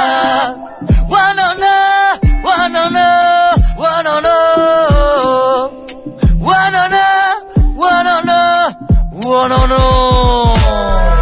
com el sol i la lluna que mai s'arriben a abraçar. Quan ella se'n va, ell surt per la tan diferents i essencials com la nit al dia que els miren al passar però mai s'arriben a tocar, no però mai s'arriben canal que, Sol i lluna, ens, eh? que ens ha desaparegut i el que escoltàvem era aquest sol i lluna amb un aire Riggy, amb un aire Bob Marley fins i tot, això sí, mesclat amb aquesta veu arrovellada, una mica de rumbero de, del Lluçanès. Caldrà seguir-lo. I tant. I ara arribem al punt de les 10 al territori.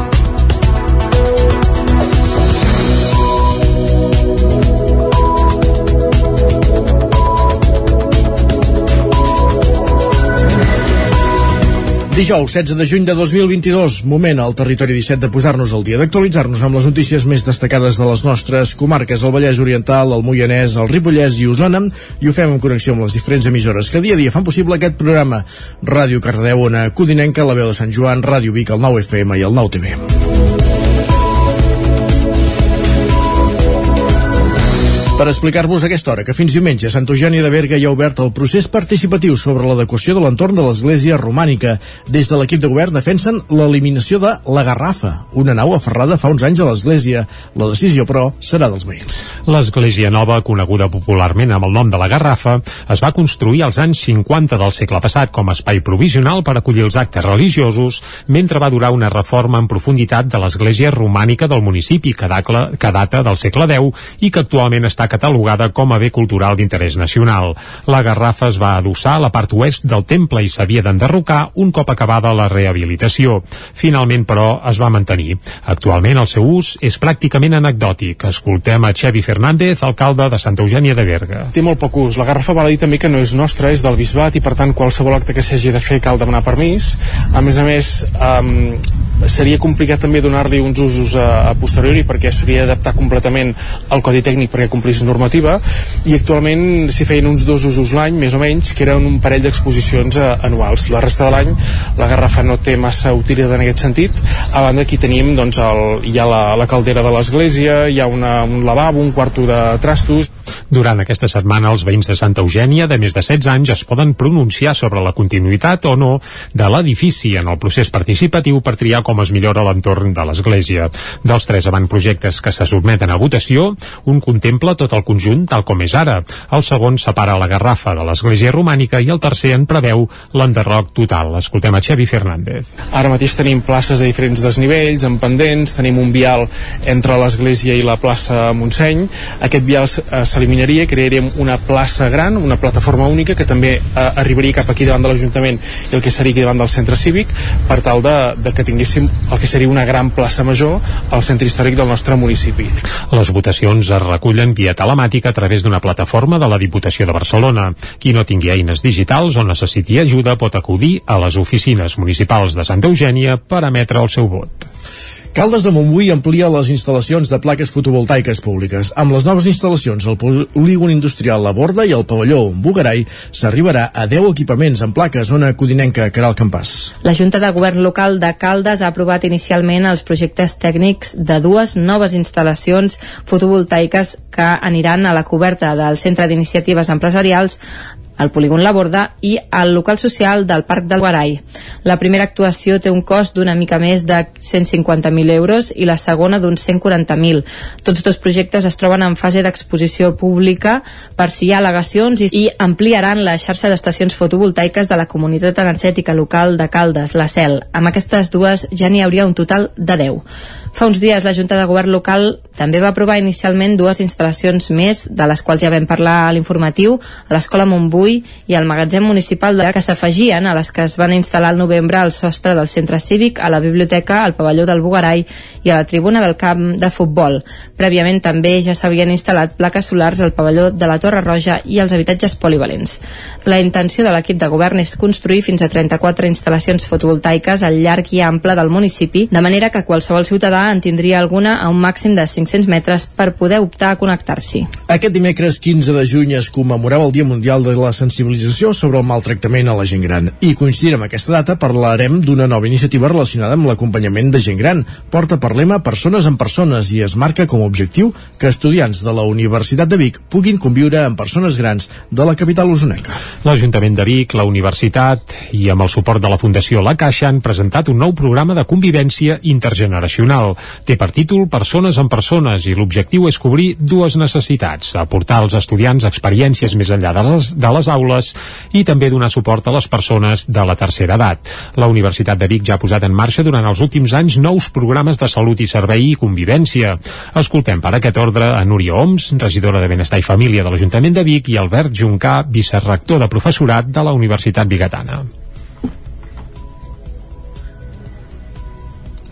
I en aquest cas doncs, una proposta molt concreta adreçada a una població que en aquests moments Vic compta amb una població de més de 65 anys d'unes 6.300 persones eh? i ara fèiem números abans i dèiem eh, clar, tenim molt potencial, hem de trobar persones grans que tinguin ganes d'obrir casa seva i de compartir. I amb que els nostres estudiants podran al llarg dels anys que es passen aquí a Vic, en aquesta ciutat, conviure amb persones, en aquest cas persones grans, i fer-se partíceps no només de la seva experiència universitària sinó també d'aquest coneixement que emana d'aquesta gent que, que pertany a altres generacions.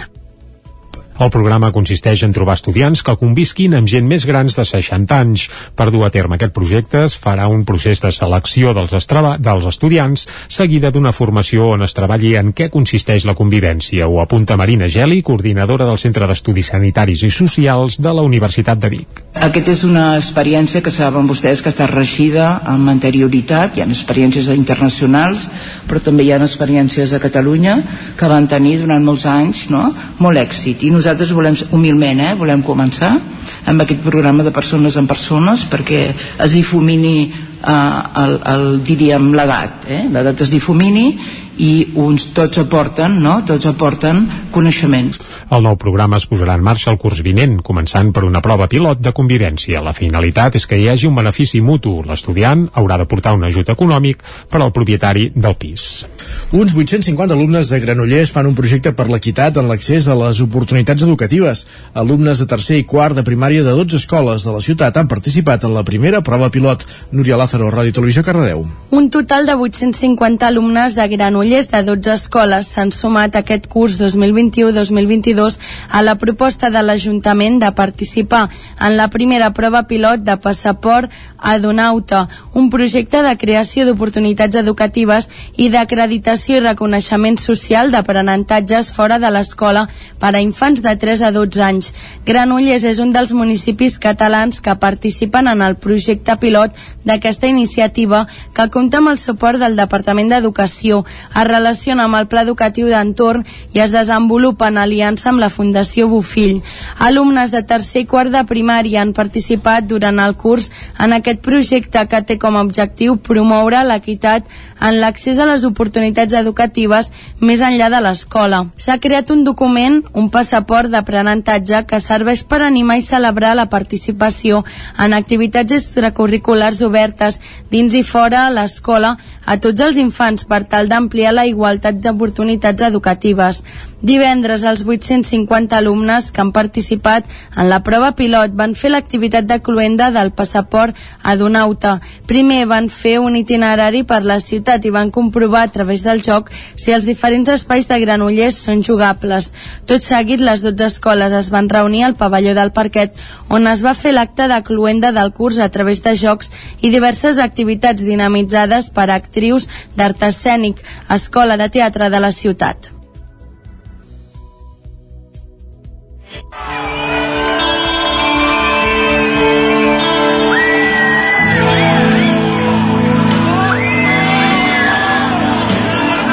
Siempre quise Després de quatre dècades llargues de suor, energia i rock and roll, els mítics troglodites en aquesta darrera etapa sense la veu de Loquillo han anunciat la dissolució de la formació actual. El camí de troglodites va començar als anys 80 quan els biguetans Jordi Vila i Josep Simón Ramírez van sumar esforços amb Ricard Puigdomènech i i Maria Àngels Croses per crear Perdidos en el Espacio, una banda que s'anomenava com una sèrie nord-americana dels anys 60. I la setmana passada, després de quatre dècades llargues de suor, energia i rock and roll, els troglodites van anunciar la dissolució de la formació actual, que ara fa 10 anys va reneixer sense la presència de José María Sanz, àlies Loquillo. La manca d'il·lusió i motivació necessàries per continuar són els motius que han utilitzat els troglodites a l'hora de fer l'anunci publicat a les xarxes socials. En realitat, la distància ha estat el principal problema pel grup. Josep Simón viu a una masia de Santa Eulàlia de Riu Primer. Jordi Vila, que és de Vic, ara viu a Villarcayo, a Burgos, i la resta de la formació viuen a Madrid. Per tot plegat, han preferit dedicar els seus esforços als respectius projectes i aparcar definitivament aquesta etapa d'una formació de la qual tenen registrat el nom. Per tant, Loquillo no pot fer servir el cognom Trogloditas. L'aturada deixen clar que és definitiva, tot i que no descarten que el futur els torni a reunir. Actualment el baixista Simón està preparant un projecte amb el guitarrista biguetà Albert Comerma, que després de mesos de treball veurà aviat la llum, sense un nom encara definit. Per la seva banda, Jordi Vila està involucrat en els Kinky Boys, un grup que comparteix amb la seva parella, Marga Ardai, on a més de tocar la bateria també fa de cantant. Els Kinky Boys, per cert, actuaran aquest dissabte a Santa Eugènia de Berga en el marc de la Fira del Disc en el seu primer concert a Osona. Els troglodites van acompanyar els millors anys de Loquillo, amb el qual es van, aca van acabar trencant relacions per incompatibilitat de caràcters ara fa 10 anys, però van tornar, incorporant el mallorquí Andreu Montaner com a cantant i publicant tres discos, un en viu i de títol sarcàstic pels, diguem-ne, amants de Loquillo. Es deia Fuerte, Flojo i En Directo. 11 minuts que passen de les 10, un últim apunt esportiu en aquest repàs informatiu. El Club Karate Ripoll farà un homenatge en record del Sant Joaní Cisco Molero amb combats i exhibicions que es faran al pavelló de Sant Joan de les Abadesses. Isaac Muntades, la veu de Sant Joan. El Club Karate Ripoll recordarà el Sant Joaní Cisco Molero mort de forma sobtada el passat estiu amb una competició i exhibició aquest dissabte a partir de les 4 de la tarda al pavelló de Sant Joan de les Abadeses. El memorial de Karate Cisco Molero vol recordar la figura d'aquest Sant Joaní tan estimat pel municipi i pel món del karate. Molero va ser un dels impulsors de la difusió d'aquest esport a la comarca i va ser la primera persona del Ripollès en obtenir el cinturó negre en l'especialitat de Kyokun Shinkai, un tipus de karate de contacte i força dur. Segons explica Guille Reyes, professor i soci del Club Karate Ripoll, Molero va ser el primer alumne que va tenir quan va començar a fer classes en un gimnàs farà gairebé 20 anys a Ripoll. Des del principi, Molero havia tingut la inquietud de practicar aquest esport i a banda d'haver estat president del club i professor esporàdic, just abans de la pandèmia havia posat en marxa un extraescolar d'aquest esport a l'Institut Escola Mestre Andreu. Reyes comenta que el karate és un esport que té un procés lent per captar gent, però els que s'hi acosten es fidelitzen perquè requereix una trajectòria d'aprenentatge més llarga. Van passar de ser 4 o 5 persones els primers anys a un centenar en l'actualitat. També és un esport amb valors. De valors en un món on l'agressivitat hi és i hem de conviure amb ella i ens hem d'educar sobre aquest tema, per ser valents, per ser assertius i sobretot per aprendre a respectar els altres. Però fixa't que, que els estereotips que hi ha al voltant del karate, per exemple, els trobes molt més manifestats en esports com el futbol, per exemple, no? Quan vas a veure un partit on veus un desafogament d'agressivitat poder, no?, que nosaltres no ens permetríem. A l'activitat de Sant Joan hi haurà una competició de karate amb combats infantils i d'adults i també una exhibició de katas, goshin, yaido, kobudo i trencament de fustes. El yaido, per exemple, és l'art de l'art japonès de treure l'espasa, de treure la katana. Llavors és una sèrie de katas, són molt curts, però és molt elegant. El goshin és eh, una forma d'autodefensa. El kobudo és que havien desenvolupat els camperols japonesos per defensar-se amb, la, amb els seus estris de treball quotidià. per exemple, amb, amb un bastó, o, o els tonfas, que és el que utilitzaven per moure cassoles, o el nunchaku, aquest famós, que és el que utilitzaven mm. per batre el gra. Eh, fins i tot hi ha un kata que és fet amb un rem, no?, que feien els pescadors amb els seus rems. La cultura japonesa intentava convertir en un art qualsevol activitat quotidiana i executar-la a la perfecció. A l'exhibició de dissabte està previst que hi participin entre 30 i 50 persones.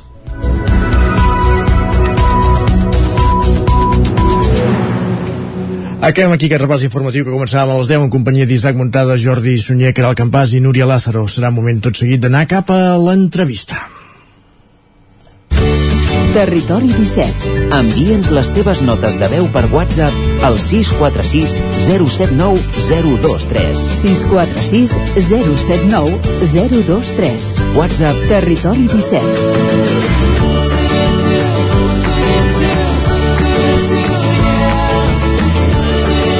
Territori 17. Som a Facebook, Twitter i Instagram amb l'usuari Territori 17.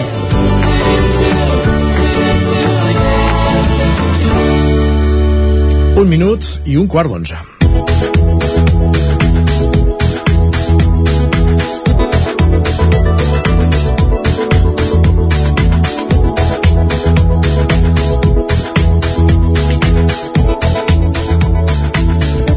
Dissabte, l'Ajuntament de Tona, conjuntament amb la Direcció General de Memòria Democràtica de la Generalitat del Departament de Justícia, lliurava els 32 certificats d'anul·lació de sentències de judicis sumaríssims del feixisme a familiars d'aquestes 32 persones represaliades. Va ser un acte solemne al camp de les Llosses. Per saber qui eren aquestes 32 persones hi ha hagut un treball previ de, de recerca a càrrec de l'historiador Carles Puigferrat, amb qui podem conversar ara mateix. Carles Puigferrat, benvingut, bon dia. Uh, bon dia. Com dèiem, dissabte es feia l'entrega d'aquest aquest acte solemne d'entrega d'aquests certificats d'anul·lació de les sentències dels judicis sumaríssims. En quin moment rep l'encàrrec de l'Ajuntament de Tona, diguéssim, per fer recerca històrica, per saber qui eren les persones represaliades pel feixisme a Tona? Uh, l'any passat, -huh. l'any passat, a finals de l'any passat. I a partir d'aquí... Jo ja, de fet, ja havia treballat molt eh, amb aquests fons arxivístics uh, que es troben al govern militar de Barcelona tots els sumaríssims de la postguerra que van fer tribunals militars uh -huh. i per això m'ho van encarregar a partir d'aquest encàrrec fa un any vostè acudeix a aquest arxiu militar diguéssim per, per fer aquesta recerca i descobrir i conèixer qui són aquestes 32 persones diguéssim amb l'idea ja d'arribar a aquesta anul·lació de les sentències i posar-se posar en contacte amb les famílies, etc etc. La Generalitat ja té un inventari d'aquells fons uh -huh. per tant eh, tu demanes el llistat de residents et dona el 39 i ja et dona el primer llistat i després eh, fas una petició a l'arxiu del govern militar de Barcelona de, de que vols consultar aquests sumaris no? i, i els porten, es tenen reservats funciona així, vull dir que no, no has d'anar a buscar una agulla en un paller, sinó que ja yeah. està havent un inventari, doncs és més fàcil, no? Uh -huh. Però, clar, s'han de llegir, s'han de resumir, eh, i a vegades són documents complexos perquè a vegades en un mateix judici jutjaven a 15 persones, a 20 persones a l'hora i allà dintre hi ha la documentació de moltes persones que no tenen res a veure dona -huh. i mhm. has d'anar discernint mm, quins documents són d'un, quins documents són de l'altre, però bé, cap problema. Molt bé. Uh, el que sí que es, explicava dissabte en aquest acte és que hi havia el patró que, molts, que la majoria d'ells havien estat denunciats per les milícies uh, sí. de, de la falange, que eren els que sí. portaven aquestes persones a la presó de Vic abans de ser derivades a la model i, i sotmetre's a aquest judici sumaríssim. Sí, Això es va repetir. El, el, el circuit, el circuit eh, ja estava establert, no? Uh, comença amb una denúncia generalment davant la Guàrdia Civil de Vic uh mhm. -huh. i molts, la majoria de cops són ja, militants de la falange però no, no sempre, eh, però, però molts cops eh, i després hi havia una tensió que feia que feia, solia fer això la milícia armada de la falange i el trasllat del pres a Vic ingrés a la presó de Vic i després al cap d'uns dies eh, el trasllat a, a la Model uh mhm. -huh. i els, la immensa majoria, excepte un cas, la immensa majoria de judicis van celebrar al Palau de Justícia de Barcelona. On és ara, eh? Sí, sí. Hi ha un cas que es va d'un d'un judici que es va celebrar a Vic mateix. Mm -hmm, D'acord. En el cas de, de Tona, pel que explicàveu dissabte, de, de les 32 persones detingudes, 4 van acabar sent executades, 4 van ser sí, afusellades. Sí. Uh, les acusacions eren, representa que eren més dures respecte als altres, com, com van aquests, aquests casos? Aquí cada cas és un món, diguéssim. Uh -huh. uh, a veure, aquí, clar, aquí està, aquest, aquest, aquest, tot aquests judicis per què es fan? Es, es fan evidentment amb l'objectiu de d'assegurar-se la victòria i, i, i el nou règim que s'anava implantant no? de, per tant totes les persones més assenyalades doncs va, van rebre aquests no eren pas cap d'aquests havia estat en el comitè ni, ni res d'això mm -hmm. senzillament aquesta gent molts eren uh, eren un parell d'ells eren ja gent gran, amb família, fills, no els van exiliar perquè no temien que els passés res, no? perquè no, no havien participat. Però, diguéssim, els van agafar com a, no sé com dir-ho, a dir, com a... com a... Caps de turc. Caps de turc, diguem-ho mm. així, no? En algun cas, no? Perquè no tenien delictes de sang ni res, eh? la, en la majoria de casos. Uh -huh. I, i és això, eh? s'explica també ja per les relacions familiars, en algun cas les filles eren estan milicianes, saps? Tampoc... Eh, eh... Havia una acusació molt directa sobre ells? Sí, hi havia acusacions directes sobre ells, de persecució de desertors, etc. Val, però en molts altres casos, amb acusacions semblants, no hi ha pena de mort. D'acord. Uh -huh. Va. Vull dir que eh, també depenia del tribunal que tocava, bueno, etc. I, hi ha un cas d'un milicià sí. que en aquest cas sí que uh, bueno, aquest cas l'he estudiat bé eh? i en aquest cas sí que uh, sent havent estat milicià molts milicians van ser executats uh -huh. Que això diguéssim eh, va ser bastant habitual sí. eh, però en els altres casos uh, que estic parlant doncs uh, no, es, no s'acaba de veure clar per què per què? un havia ser regidor sí. ja, però hi ha altres casos de regidors i que, que, no, que no acaben així. Uh -huh. Val? Però, de fet, fins i tot hi havia un alcalde que tampoc va acabar executat en aquest cas. No? Sí, no, no perquè aquell el van empresonar ja tard, era el 44, uh -huh. I després, diguéssim, ja hi havia una política diferent, no? S'acabava la Segona Guerra Mundial, etc. Eh, ja no hi havia una la repressió del 39. Uh -huh. És que és molt diferent, no?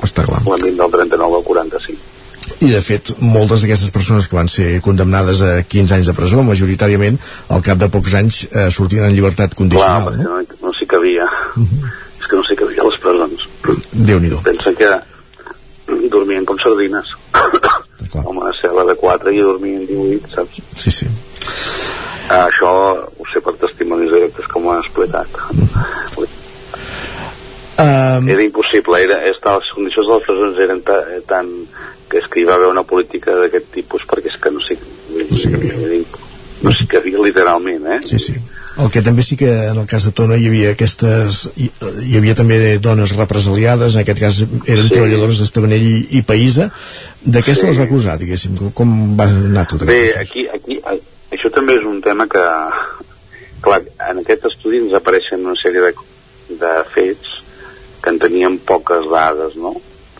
Uh, en, el, en el fons és perquè quan comença la guerra i hi ha la revolució, després el, es crea un comitè de control obrer a la fàbrica, els amos marxen, i després dins de la fàbrica hi ha un enfrontament entre les mateixes treballadores, val? Uh -huh. I, i, i per això se'ls acusa no? de ser part del comitè de control obrer, d'haver represaliat altres treballadores dins la fàbrica durant la guerra. I una, unes quantes treballadores van ser empresonades durant la guerra. Mm? Sí. Això és un tema que encara dic, s'haurà d'estudiar, eh? Però que, que va, no, no dubto pas que va passar. Eh?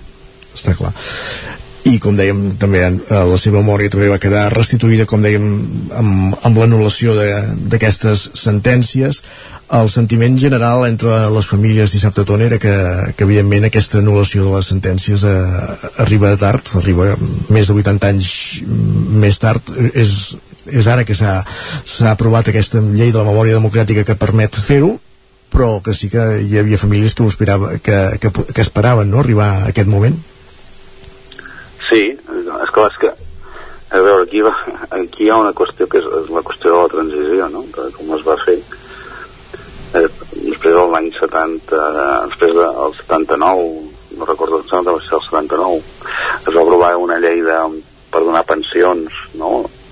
aquesta gent que havia estat empresonada o havia estat executada o etc. però en realitat després es va passar i va, va tornar al silenci no? No, no. i realment això els, és una qüestió dels últims 10 anys o 15 eh? no, no d'abans no? i molta gent vull dir, mai, mai ningú se'ls havia adreçat per entendre'ns tenien la història familiar que s'explicava a casa no? sí. però mai cap institució s'havia adreçat particularment uh -huh. interessant-se pel seu cas uh -huh. i és el que s'està fent ara de fet parlàvem que a Catalunya hi ha sí, 70.000 és una qüestió molt, jo vaig parlar amb l'Antoni Font sí, el director de, Memo de Memòria sí. Democràtica de la Generalitat és una qüestió que té, té moltes branques no? perquè hi ha la, la qüestió de els sumaricis militars però és que hi va haver molta més gent represaliada que no van passar pels tribunals militars uh -huh. Sinó per tribunals civils saps? Sí. pel tribunal de responsabilitats polítiques i n'hi havia d'altres eh? Uh -huh.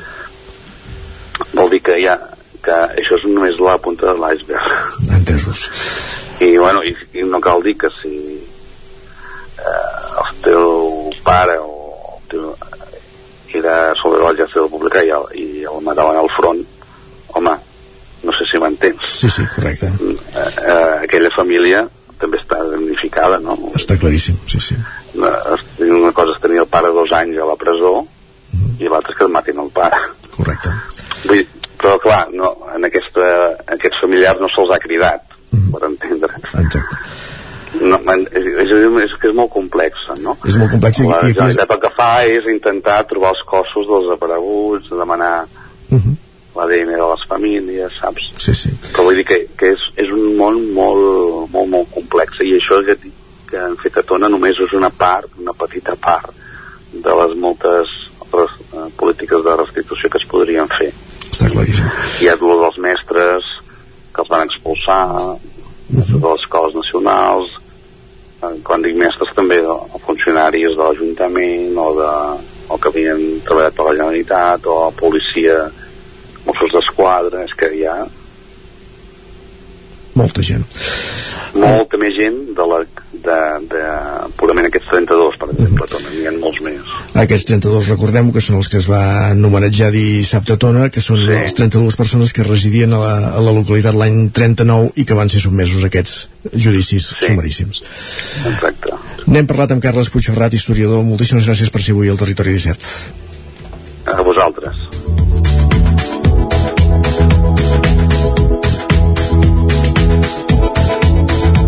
doncs d'aquestes persones víctimes d'aquests judicis sumaríssims, homenatjades dissabte a Tona, n'hem parlat, com dèiem ara, l'entrevista al Territori 17 amb l'historiador Carles Puigferrat. El programa continua, avancem tot seguit, fem una petita pausa per la publicitat per tornar de seguida a dos quarts en punt amb les piolades, avui en companyia de la Natàlia Peix, fent un recorregut per Twitter. Passarem per la taula de redacció avui en companyia d'Isaac Muntades i de Miquel R i acabarem el programa parlant a la plaça d'un restaurant japonès, un restaurant no, un hotel japonès al Solsonès, la plaça de l'Espai de Nova Economia, amb la Maria López de Ràdio Televisió Cardeu i 11.cat.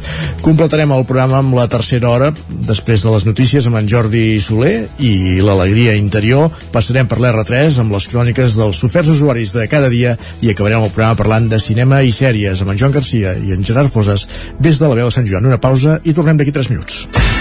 El nou FM, la ràdio de casa, al 92.8.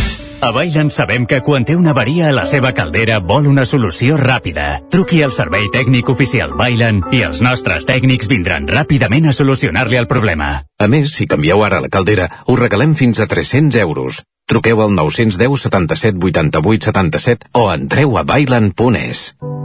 Cobertes serveis funeraris. Els nostres tanatoris estan ubicats en els nuclis urbans més poblats de la comarca d'Osona per oferir un millor servei. Tanatori de Vic, Tanatori de Manlleu, Tanatori de Centelles i Tanatori de Roda de Ter. Sabem que són moments difícils i per això el nostre compromís és atendre-us en tot moment amb un tracte humà, sensible i respectuós. Cobertes serveis funeraris. Telèfon 24 hores 93 883 23 46. Si tens pensat canviar la caldera o posar aire condicionat, posa't en mans de Pradell. Tenen les millors ofertes. Pradell instal·la calderes de biomassa, calderes de condensació, aire condicionat tant per a particulars com per a empreses. Apunta, Pradell, Avinguda Països Catalans, número 27 de Vic. Telèfon 93 885 11 97. Repetim, 93 885 11 97. A la llibreria Mater hi trobaràs material escolar i d'escriptori, llibres, revistes i el millor regal. T'esperem amb una gran varietat de novel·les, llibres d'assaig, poesia, contes i moltes novetats editorials. I per anar ben equipat a l'escola tenim motxilles, estoig, carpetes, llibretes, bolígrafs i molt més.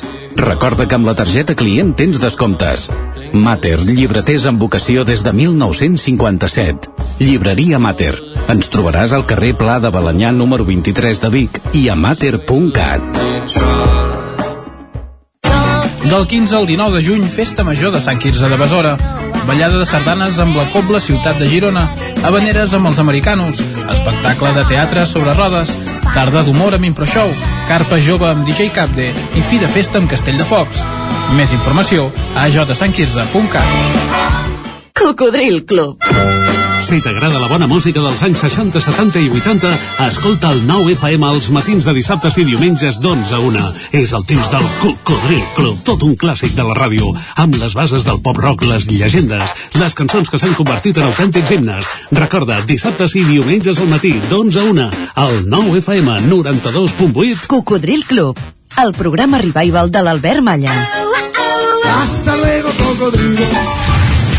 El 9 FM, el 9 FM, el 9 FM, el 9 FM, el 9 FM.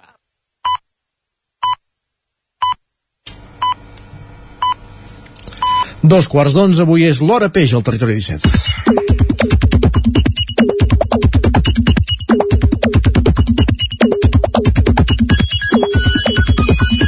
Sí, Isaac, tens tota la raó. Habitualment diem que ens capbussem en l'Hora Sánchez, però avui qui ens porta les piolades és la Natàlia Peix, per tant, Hora Peix.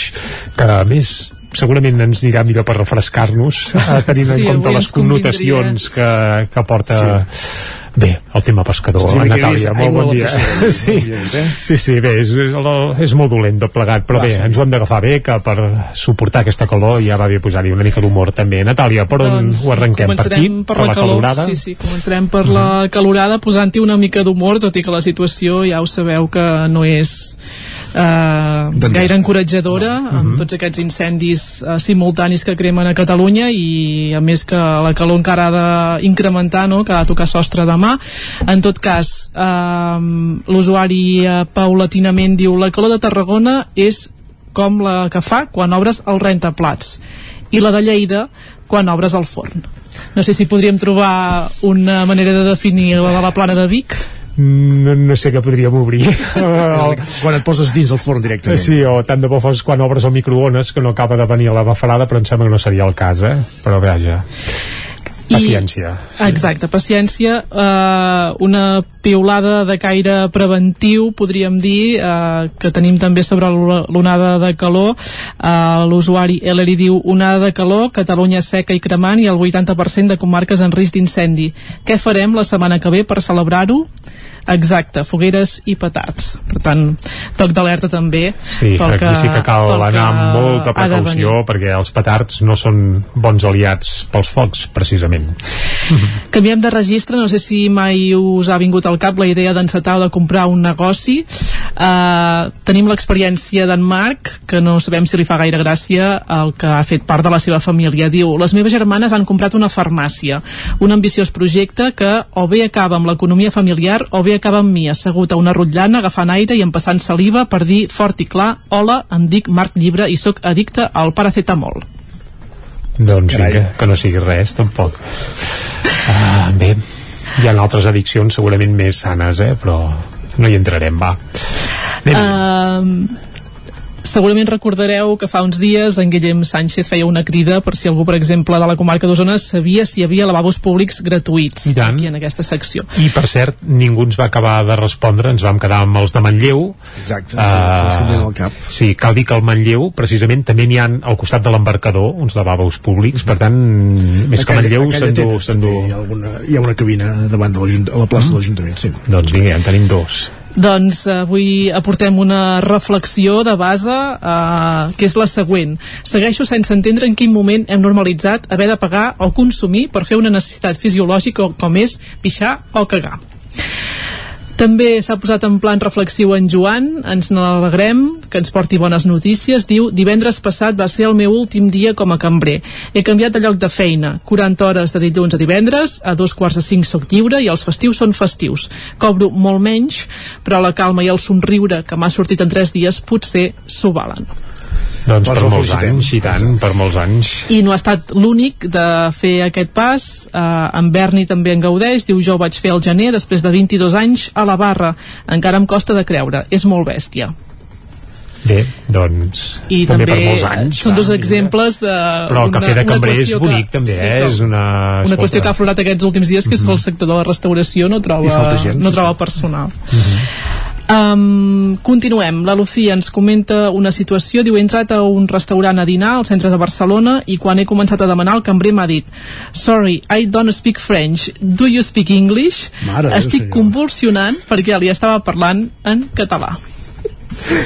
Déu meu, bé, uh, clar, és que com que tenim el sector de la restauració, sobretot pel que fa a camarers, com el tenim, doncs bé, lingüísticament ja... Ens venen anglesos ara ja a treballar. Bé, doncs, uh, si més no, que parlen anglès, i tant. Molt bé, molt bé. Va. Um, continuem també encara seguim, al bar, eh? seguim. eh? Fent el toc amb una amiga, li diu al cambrer posa'm una desgraciada, si plau. El cambrer respon, com? Sí, una Coca-Cola zero, sense sucre, sense cafeïna, sense gel i sense llimona. I en aquest cas havia sentit Ai. la versió amb el, el tallat, crec, Exacte, desgraciat, sí, també descremada, sacarina, sí. no sé què més.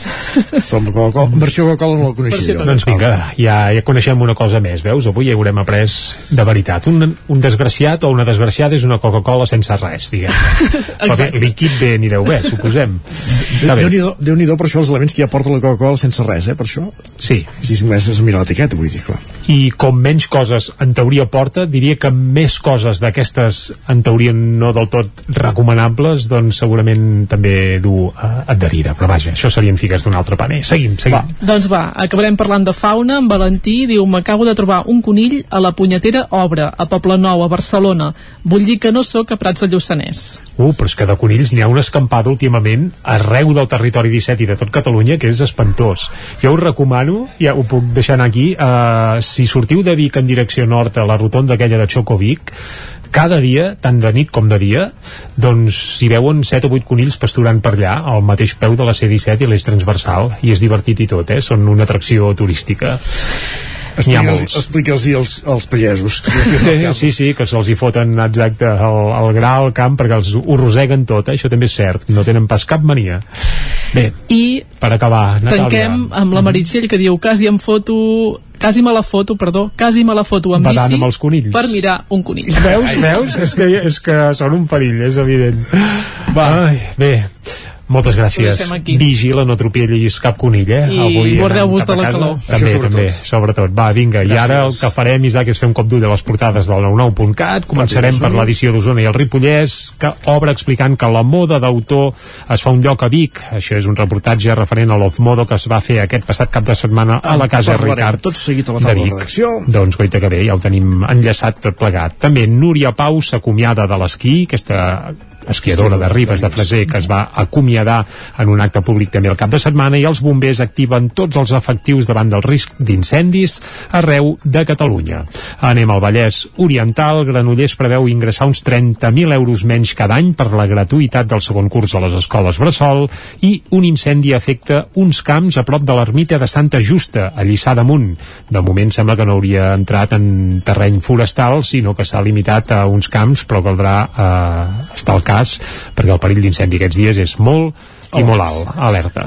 Perfecte, gràcies Jordi. Doncs anem cap a... Un Ah, no, darrer punt, un darrer punt, eh? Perdó, perdó, perdó. Uh, sí, sí, ja està. És que hi ha un vídeo divertidíssim d'un senglar passejant pel centre de Granollers. Aquest vídeo el podeu veure a l'edició del 99.cat del Vallès Oriental i passeja com si fos un ca per allà, Com si eh? fos un gosset, sí, sí, amb una tranquil·litat i és un bon exemplar, eh? és a dir, no és un senglar petit, sinó que una bona bèstia. Tot un atractiu, atractiu a, a, A Granollers, pel mig de Granollers, tu. Gràcies, ara sí. Ara sí, I va. anem cap a la taula de redacció.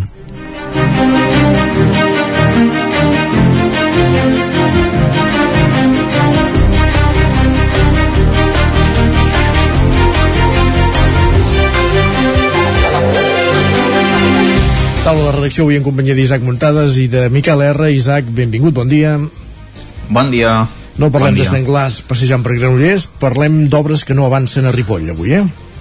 Sí, exacte. Uh, ara que comentava això dels conills, segurament per aquella zona també hi deu haver-hi conills, perquè Segur. les zones així una mica de, abandonades també els agrada, també els agrada estar-hi.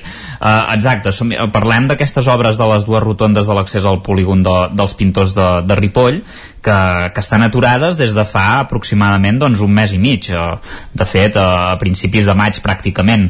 Hem de recordar que aquestes obres a més tenien un termini d'execució de, de sis mesos, que va començar al febrer, per tant el, el mes de juliol, o sigui d'aquí pràcticament 15 dies haurien d'estar acabades. Evidentment aquest termini no es complirà per aquesta problemàtica que, que hi ha hagut i, i evidentment això com a mínim si es pot solucionar el tema eh, doncs s'allargaran fins l'agost o, o al setembre tranquil·lament i segurament molt més. Eh, el motiu de per què estan parades és, és molt senzill eh, tot i que al principi es deia que era per un tema de, de serveis és a dir que s'havien de moure algun, algun tipus de canonades després es va descobrir que no. Això ho va descobrir el, el regidor de l'àrea de, bueno, el cap de l'àrea de serveis i territori de, i sostenibilitat de l'Ajuntament de Ripoll en Joaquim Colomer que ve, veient que doncs, estaven parades i que s'havia comentat doncs, en un ple municipal per part del grup del PSC que no, que no avançaven, doncs ell va, va, va acabar trucant al director territorial de Girona per, per veure què en sabia. No en sabia res el director territorial, que al seu mateix temps doncs, va trucar al responsable de carreteres i, i aquest li va confirmar que estaven parades per un tema de modificacions de preu arran d'aquesta nova normativa que, que s'ha instal·lat i que no s'acaben de posar d'acord amb la Generalitat. Això fa que, que s'haurà de veure co, què passa, no? Eh, Sobretot això es deu bàsicament al tema de la guerra entre Rússia i Ucraïna, bàsicament, sobretot a, aquest, aquest problema. Increments de preus i llavors que no surten els números i, i hi ha moltes constructores que competeixen i en aquest cas, eh, Exacte. en aquest cas no poden continuar l'activitat. Exacte, i ha quedat una mica tot una mica abandonadet, eh, hi ha bastanta doncs, vegetació, material d'obres abandonat i s'haurà de veure què passa si ho acaba havent de fer alguna altra empresa, si aquesta empresa continua, bé, no ho sé, això se sabrà, suposem que en els pròxims dies s'hauria de, de saber. De resoldre. Doncs ho, estarem, ho seguirem. Moltíssimes gràcies, Isaac. Parlem després. A vosaltres, adeu, fins després. Continuem a la taula de redacció i fem ara, com dèiem, en companyia de Miquel R.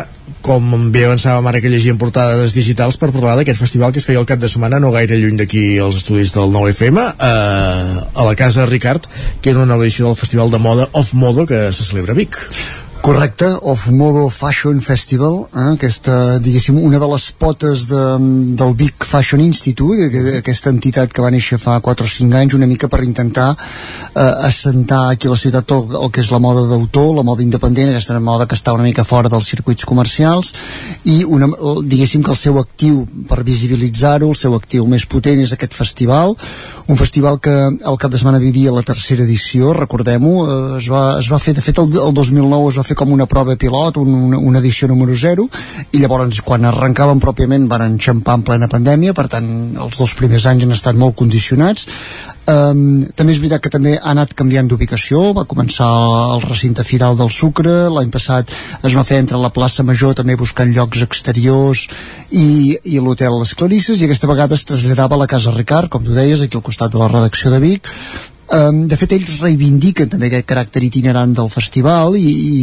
i l'objectiu, a mesura que també puguin anar sumant pressupost, és que pogués ser uh, itinerant uh, durant el mateix festival en diferents espais de la ciutat, no? una mica per, per traslladar-ho, uh, és com buscar la idea del, del so de les cases amb música, doncs també fer-ho en el món de la moda i reivindicar una mica aquest fet, no? la moda aquesta que, que surt dels grans circuits comercials.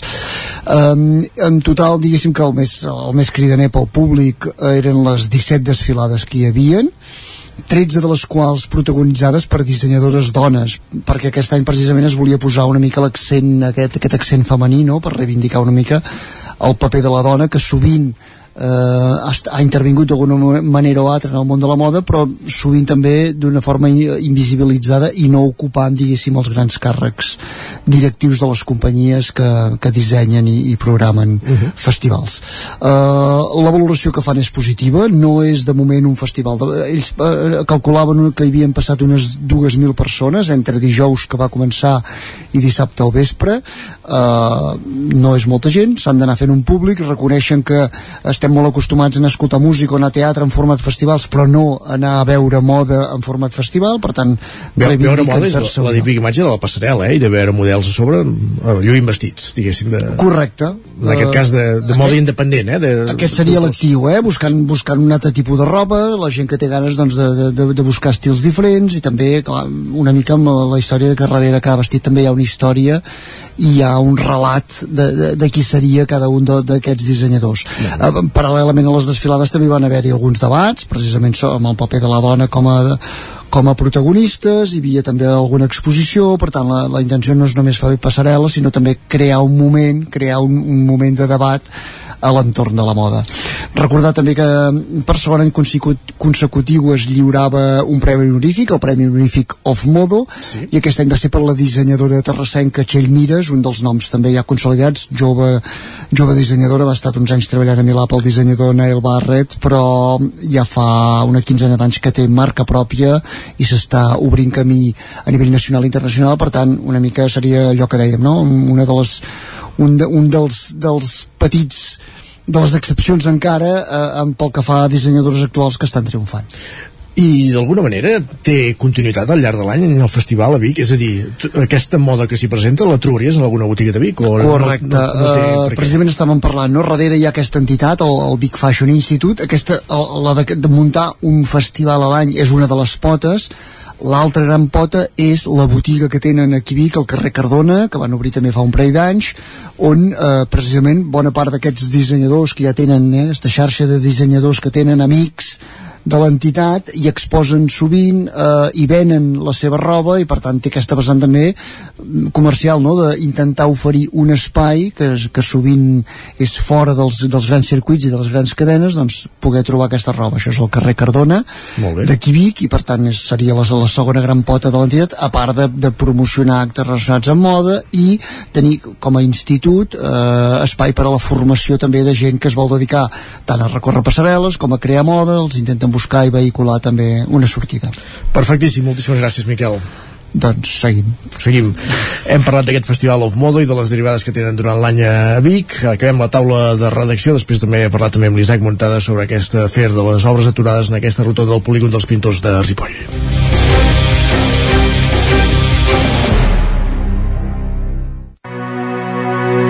Territori 17 el 9 FM, La Veu de Sant Joan, Ona Codinenca, Ràdio Cardedeu, Territori 17.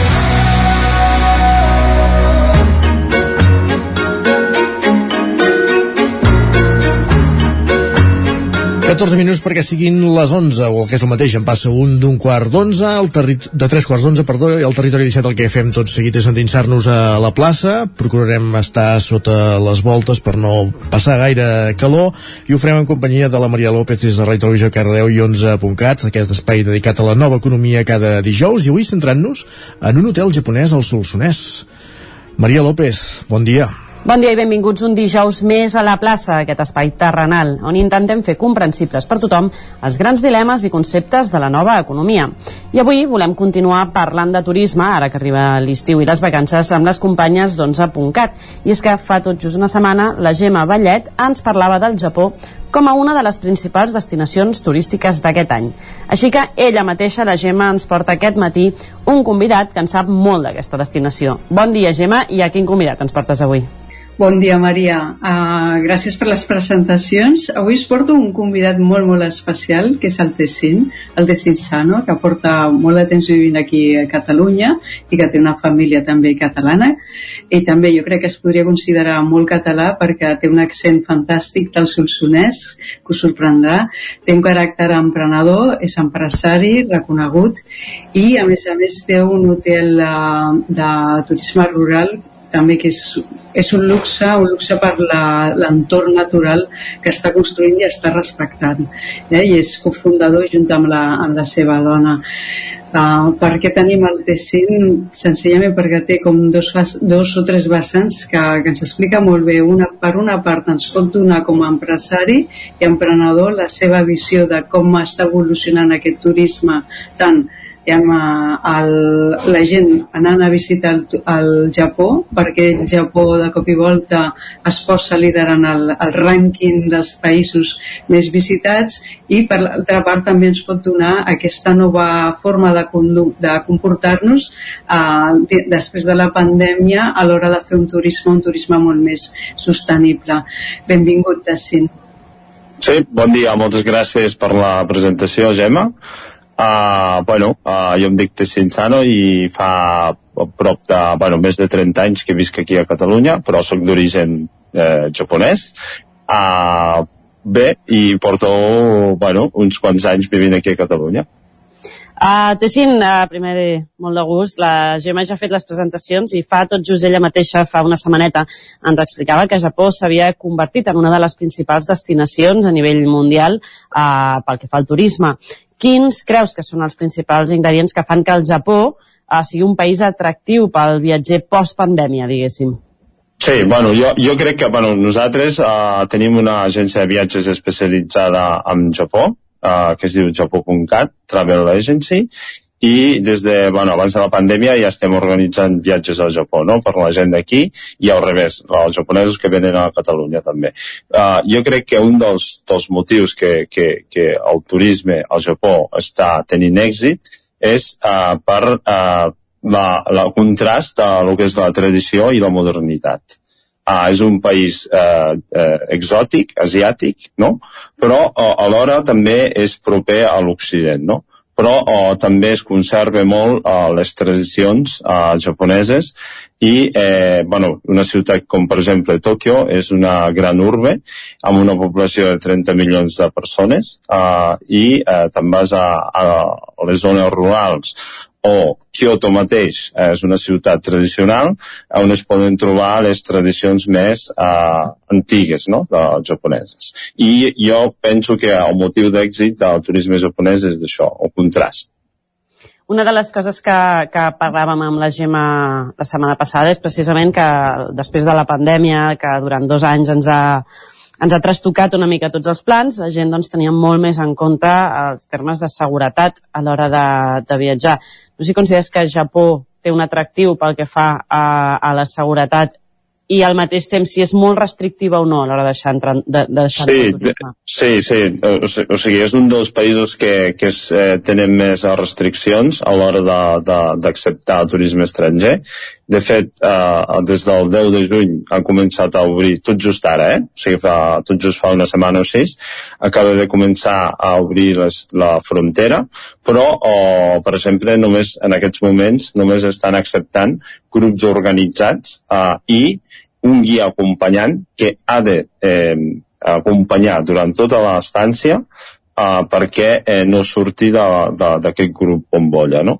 I per tant eh, podem dir que encara hi ha unes eh, certes restriccions. Eh, per exemple, un particular encara no hi pot anar o no hi pot visitar. Però, no obstant, eh, jo crec que de, de cara a l'estiu o cara a la tardor, o si no hi ha més, eh, més variant eh, de, de, de pandèmia i tal, doncs jo crec que això cada vegada uh, s'anirà uh, normalitzant la, la situació, no? De totes maneres, vull dir, si portes temes de turisme també ho deu saber, això, eh, si, si va així o no, eh? Desconec, però segurament aquesta mateixa restricció, que des d'aquí pot sonar més o menys dura, no? El fet que hagis d'anar en un viatge organitzat, que no pots agafar-te un bitllet i anar al Japó al teu rotllo, deu fer, també deu tenir aquest punt de, és una restricció per mi, però també em fa sentir més segur, no? Perquè d'alguna Sí. manera, no, no, suposo que és aquesta Sí, no, doble, perquè- doble perquè- lectura, no? Sí, perquè el que vol el govern japonès és, és tenir controlat a tot moment uh, els grups que entren, no? I per això, o sigui, nes, eh, demanen que hi hagi aquesta persona uh, que els acompanyi durant tota l'estància i eh, que no hi hagi un descontrol. Llavors podem dir que sí, sí que per tema de seguretat uh, uh, compleixen a rajatabla, uh, per tant un, un, turi un turista estranger hi pot anar uh, amb, tranquil amb tranquil·litat al Japó, però uh, uh, amb aquesta restricció de que hi has d'anar amb un grup, uh, no hi pots anar amb, el- com a particular al teu aire, eh, però bueno, jo penso que això de mica en mica uh, anirà afluixant les restriccions. Uh -huh.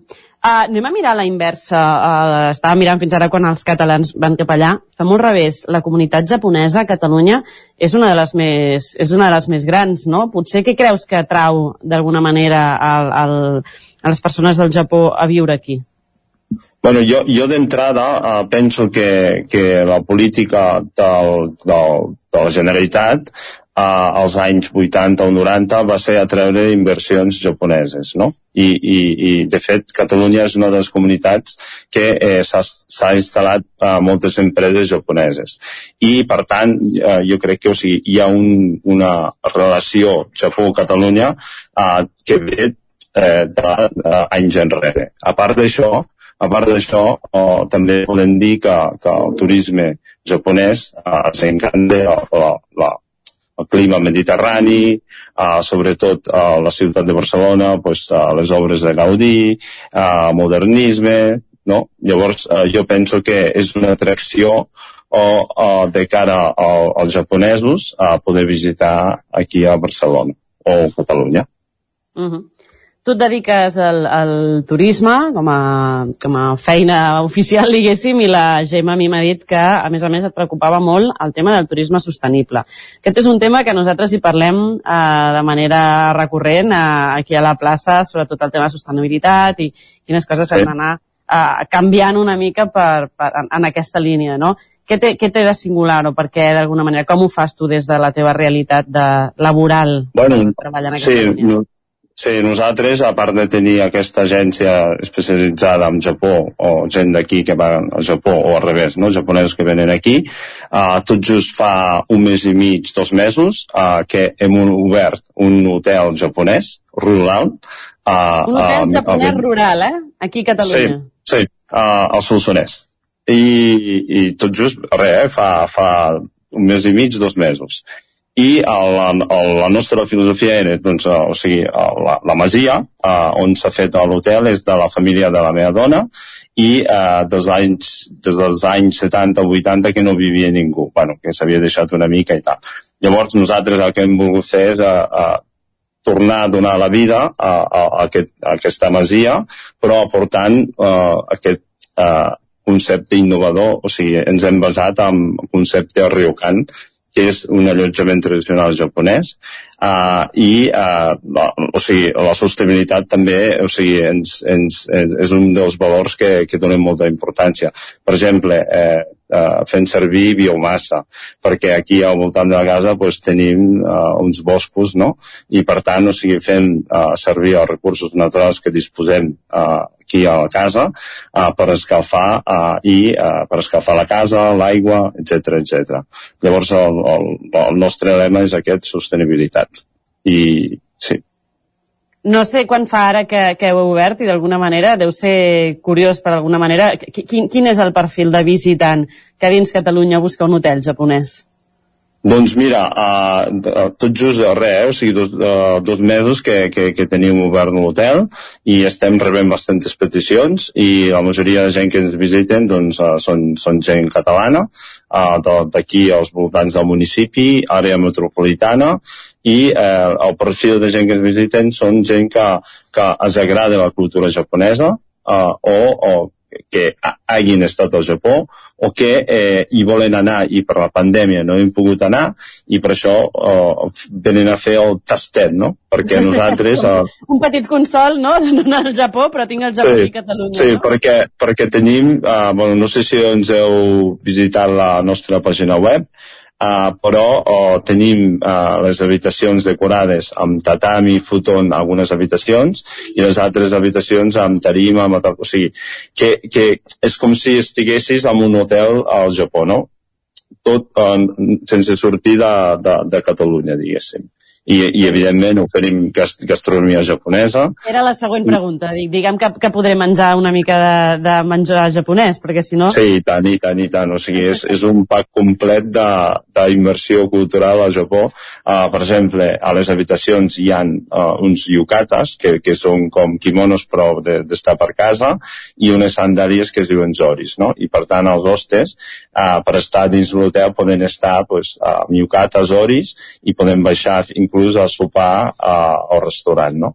I eh, els lavabos eh, són, eh, tenen, eh, les habitacions tenen washlets, que, que està molt extès al Japó, que són aquests típics eh, pitxes d'un botonet i et surt un xorro d'aigua i nete, neteja les parts íntimes. Doncs eh, fins i tot hem, hem, hem, hem posat aquests eh, washlets eh, a les nostres habitacions. Jo crec que ni que sigui per provar els lavabos s'hi ha d'anar, eh? perquè ara ja és allò...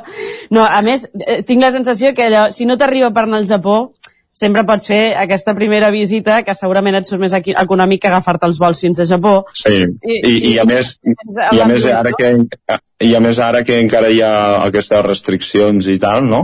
Uh, llavors, bueno, uh, hi ha moltes famílies que ens venen aquí i ens diuen, és que volem anar al Japó de cara a l'any que ve o tal, llavors uh, nosaltres uh, també, o sigui, és un lloc per, per poder explicar el viatge, per poder explicar una mica la cultura, per endinsar la, a la cultura japonesa. No? Fantàstic, doncs Tessin, moltíssimes gràcies per explicar-nos una miqueta tot al voltant del teu negoci, super interessant i els que ens esteu escoltant i teniu ganes d'anar al Japó però no podeu pel motiu que, pel motiu que sigui, ja sabeu que al Solsonès tenim l'hotel del Tessin. Uh, Digue'ns la web per si algú la, la vol sí. buscar. Sí, és hoteljaponès.puigpinós.com doncs ja sabeu, hoteljaponespuigpinós.com si algú té ganes d'anar al Japó, però de moment no pot, pel motiu que sigui, sempre podem anar al, a l'hotel del Tessin. Gemma, ens veiem dijous vinent, tenim tema ja estipulat o em faràs sorpresa? Et faré sorpresa que parlaré amb tu. Ui, aquí, aquí. La, la gent no ho sap, però la gent m'ha picat l'ullet quan em deia ja parlarem tu. Deu tenir un tema bastant interessant que se'l vol guardar a la recàmera per al dijous vinent. Doncs, Gemma, Tessin, moltíssimes gràcies a tots dos per acompanyar-nos avui al, a la plaça d'avui i nosaltres continuem amb el Territori 17. Gràcies, Maria. Ja ho sabeu, aquesta experiència immersiva al Japó, sense haver de viatjar, que es pot fer al Solsonès, aquest hotel japonès, eh, un hotel rural al japonès, una experiència a tenir en compte que ens explicaven avui a la plaça. Amb ells arribem al punt de les 11, moment de posar-nos al dia al Territori 17. Territori 17, amb Isaac Moreno i Jordi Sunyer.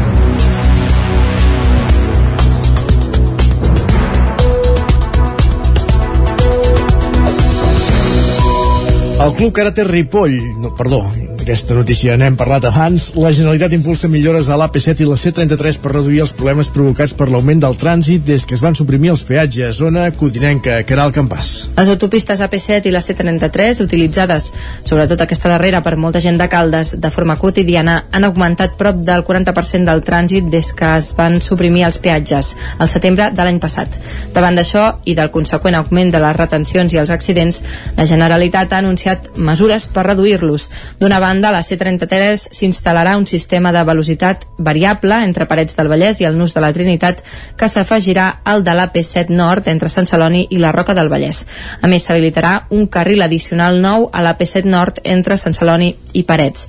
Així mateix, en les properes setmanes entrarà en funcionament un sistema de grues en diferents punts estratègics de l'AP7 per retirar vehicles accidentats amb celeritat, així com l'entrada en vigor de les restriccions de circulació de camions per Sant Joan, tots els els caps de setmana de juliol i dates d'especial intensitat de la mobilitat. D'altra banda, també s'establirà una limitació de la circulació de camions per la dreta i a 80 km per hora en el tram central de l'AP7 els dies d'especial confluència de trànsit els divendres o bé els dies previs a un festiu a partir de les 5 de la tarda.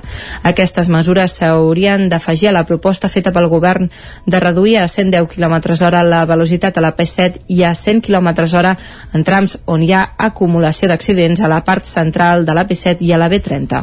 La Generalitat destinarà 2 milions i mig d'euros al sector firal de Catalunya. Així ho va anunciar ahir el director general de Comerç, Jordi Torrades, a la posada en marxa de la 29a edició del Congrés de Fires de Catalunya, una trobada de tècnics de turisme i professionals del sector, que entre i avui se celebra al Seminari de Vic. La Generalitat destinarà, com bé deies, 2 milions i mig d'euros a una nova línia d'ajudes pel sector de les fires catalanes. Així ho va anunciar ahir el director general de Comerç de la Generalitat, Jordi Torrades. Ho va fer des del Seminari de Vic, on entre ahir i avui s'hi desplegarà la 29a edició del Congrés de Fires de Catalunya. Escoltem a Jordi Torrades. I anuncio ara també que properament, les properes setmanes, obrirem una línia de 2,5 milions d'euros de suport i d'ajuda a les fires per la seva activitat des del març del 21 doncs, fins ara uh, que ajudaran a uh, ajudar a potenciar, a dinamitzar no? totes aquestes fires i ajudar-les respecte doncs, a l'impacte obvi eh, que hi ha hagut eh, doncs, l'any passat a la trobada hi prenen part una seixantena de professionals, la majoria tècnics de turisme i organitzadors de fires arribats de tot el Principat. L'esdeveniment coincideix amb la represa després de dos anys de l'activitat firal convencional. El Departament d'Empresa i Treball encara la segona meitat de l'any amb optimisme, conscients però que el sector encara està lluny d'assolir les xifres del 2019, un any que es va tancar amb 485 fires arreu de Catalunya i un impacte de més de 7,7 milions d'euros. Coralí Cunyat és la presidenta de la Federació de Fires de Catalunya. Som un sector motor en l'economia del nostre país i per tant l'objectiu en l'actualitat és continuar impulsant i contribuint en la, en la generació de, de riquesa. L'objectiu actual és recuperar els esdeveniments i celebrar els esdeveniments. La 29a edició del Congrés té d'entrada dos grans objectius, traçar un full de ruta perquè el sector pugui contribuir a la sostenibilitat i donar eines als professionals per gestionar la feina que fan sota la pressió a la que sovint han de fer front. Segons l'últim informe que ha presentat Vic Fires, durant el 2021, a la capital d'Osona s'hi van fer 13 esdeveniments, tots adaptats a les mesures sanitàries de cada moment. El pressupost general de l'organisme autònom de Fires i Mercats de Vic va ser de 2,2 milions d'euros i el nombre de visitants presencials a les fires que s'hi van fer va superar els 354.000. Aquest dimecres s'ha superat el llindar d'informació per ozó troposfèric a la plana de Vic. El Departament d'Acció Climàtica havia activat l'avís preventiu al matí i els nivells d'ozó van superar els 180 micrograms per metre cúbic a la tarda als punts de mesurament de Tona i també de Vic, segons fonts de la mateixa conselleria. En aquestes situacions es recomana a la població més vulnerable que redueixi l'exercici físic intens, especialment a l'exterior. Ahir el termòmetre va pujar encara més que dimarts. L'onada de calor va deixar màximes superiors als 30 37 graus en 9 de la cinquantena d'estacions que hi ha a Meteo Osona. La més alta, de 37,9 graus, es va registrar a la Gleva. Totes les màximes d'ahir a Osona van ser per sobre dels 31 graus. D'altra banda, els bombers de la Generalitat han activat arreu de Catalunya l'anomenada fase M2, en virtut de la qual tots els efectius del cos s'han de presentar als seus parcs sempre i quan hi hagi vehicles disponibles per treballar. La mesura es pren després d'una tarda d'ahir especialment complicada en què el cos d'extinció d'incendis va haver de fer front a sis focs de forma simultània, els més importants dels quals continuen actius ara mateix a Artesa de Segre, a la Noguera i a Corbera d'Ebre a la Terra Alta. Protecció Civil també ha anunciat que el pla Infocat s'ha pujat a la fase d'emergència 1 pels diferents incendis que hi ha actius i simultanis arreu de Catalunya. Fins diumenge, Sant Eugènia de Berga hi ha obert el procés participatiu sobre l'adequació de l'entorn de l'església romànica. Des de l'equip de govern defensen l'eliminació de la garrafa, una nau aferrada fa uns anys a l'església. La decisió, però, serà dels veïns. L'església nova, coneguda popularment amb el nom de la Garrafa, es va construir als anys 50 del segle passat com a espai provisional per acollir els actes religiosos mentre va durar una reforma en profunditat de l'església romànica que hi ha al municipi que dacta del segle X i que actualment està catalogada com a bé cultural d'interès nacional. La Garrafa es va adossar a la part oest del temple i s'havia d'enderrocar un cop s'acabés la rehabilitació. Finalment, però, es va mantenir.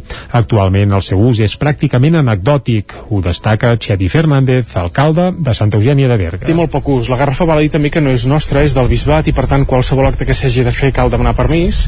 A més a més, um, seria complicat també donar-li uns usos a, a posteriori perquè s'hauria d'adaptar completament al codi tècnic perquè complís normativa i actualment s'hi feien uns dos usos l'any més o menys que eren un parell d'exposicions uh, anuals. La resta de l'any la garrafa no té massa utilitat en aquest sentit. A banda aquí tenim doncs, el, hi ha la, la caldera de l'església hi ha una, un lavabo, un quarto de trastos durant aquesta setmana, els veïns de Santa Eugènia de més de 16 anys es poden pronunciar sobre la continuïtat o no de l'edificació en el procés participatiu per triar com ha de ser l'entorn de l'Església. Dels tres avantprojectes que se sotmeten a votació, un contempla que es mantingui tot el conjunt tal com és ara mateix, el segon separa la garrafa de l'Església romànica i el tercer preveu l'enderroc complet de la garrafa. Escoltem a Xevi Fernández. Ara mateix tenim places a diferents desnivells, en pendents, tenim un vial entre l'Església i la plaça Montseny.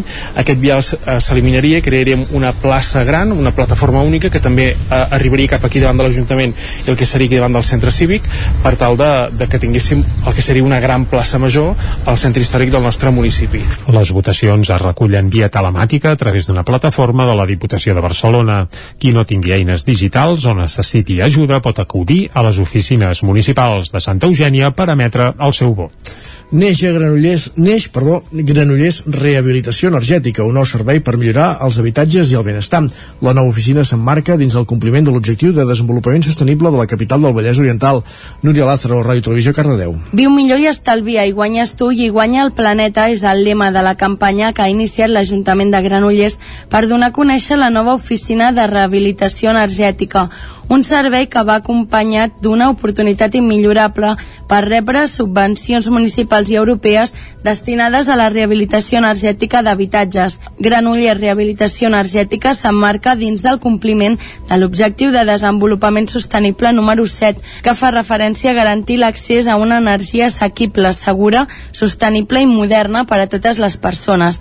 Aquest objectiu s'ha traduït en el programa d'actuació municipal en accions com augmentar l'eficiència energètica, donar suport a la millora de l'accessibilitat dels habitatges i atorgar ajuts a la rehabilitació per millorar-ne l'eficiència energètica.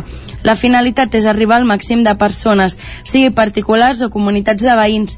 Incentiven la rehabilitació energètica d'edificis, pisos i cases, oferint un servei integral amb assessorament tècnic, administratiu i de tramitació de les subvencions.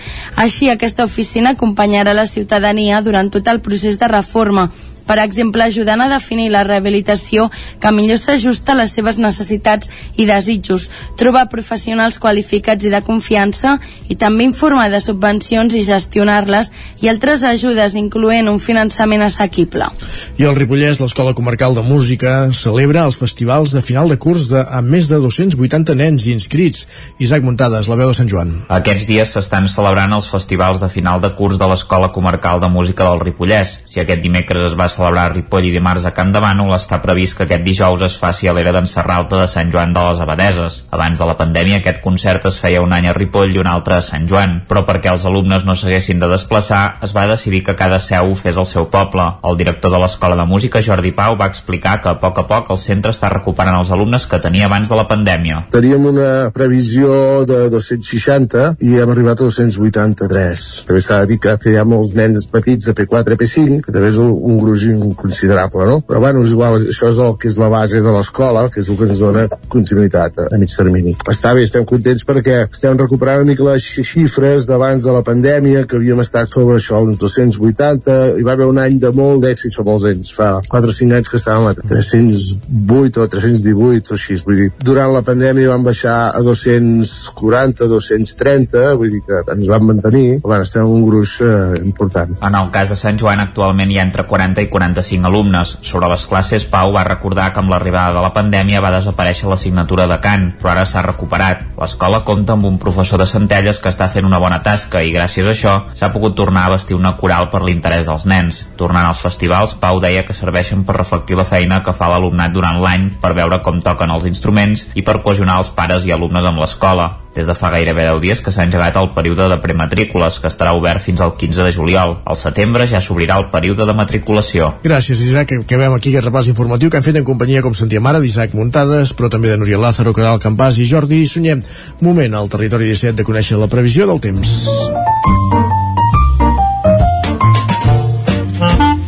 Casa Terradellos us ofereix el temps. Temps amb temperatures molt altes, n'hem parlat amb en Pep Acosta, però refresquem la informació. Pep, benvingut de nou. Hola, molt bon dia. La onada de calor s'està intensificant entre avui i demà arribarà al seu pic. Des d'aquests registres, la temperatura màxima assolida mai a Catalunya són 43,8 graus. Jo crec que entre avui i demà arribarem a uns 44, mm, fregarem algun 45, Uh, vull dir, no, no, no, no és una cosa que no que, que hauria d'ocupar molt més el que ocupa ens, ens hauria de preocupar molt més a tots no, no pot ser que només ens preocupem a nosaltres vull dir, la, la cosa és molt molt greu la situació és, com deia, molt molt greu i tots tots els, tots els bombers estan activats a Catalunya, eh? tots han d'anar al parc Mm, veurem, veurem. I sobretot molta precaució perquè ara sí que un altre gran foc eh, seria bueno, ja seria la, gravíssim perquè tots els bombers estan concentrats en aquells focs i no ens podem permetre cap altre cap altre foc forestal. I com deia avui s'ha de molta calor ja ens veiem temperatures superiors als 20 graus en les comarques.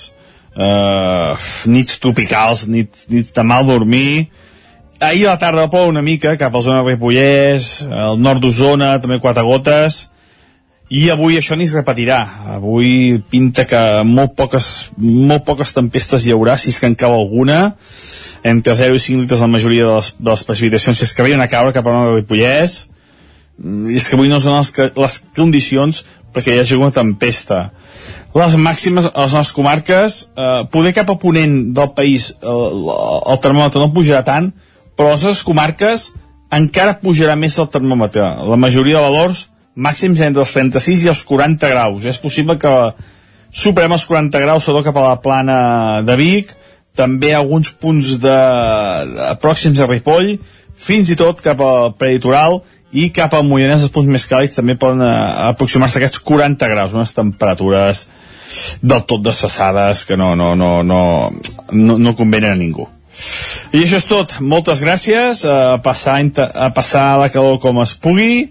Uh, valors pròxims als 40 graus avui a les comarques alguna tempesteta molt petita cap al Pirineu i aquesta màxima precaució en el bosc perquè si un altre incendi ja seria del tot, del tot fatal. Moltes gràcies, adeu.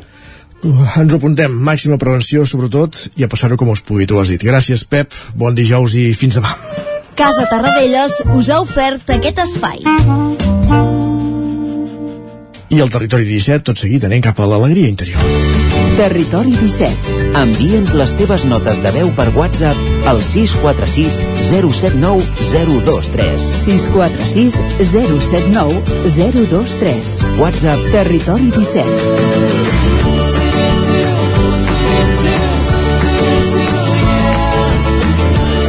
Territori 17. Som a Facebook, Twitter i Instagram amb l'usuari Territori 17.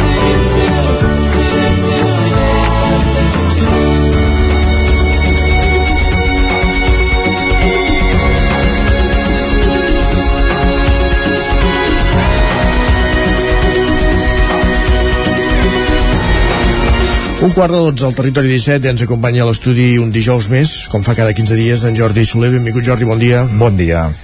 Continuem amb aquestes sessions de conèixer-nos interiorment, de descobrir el nostre inconscient. Eh, per on passem avui?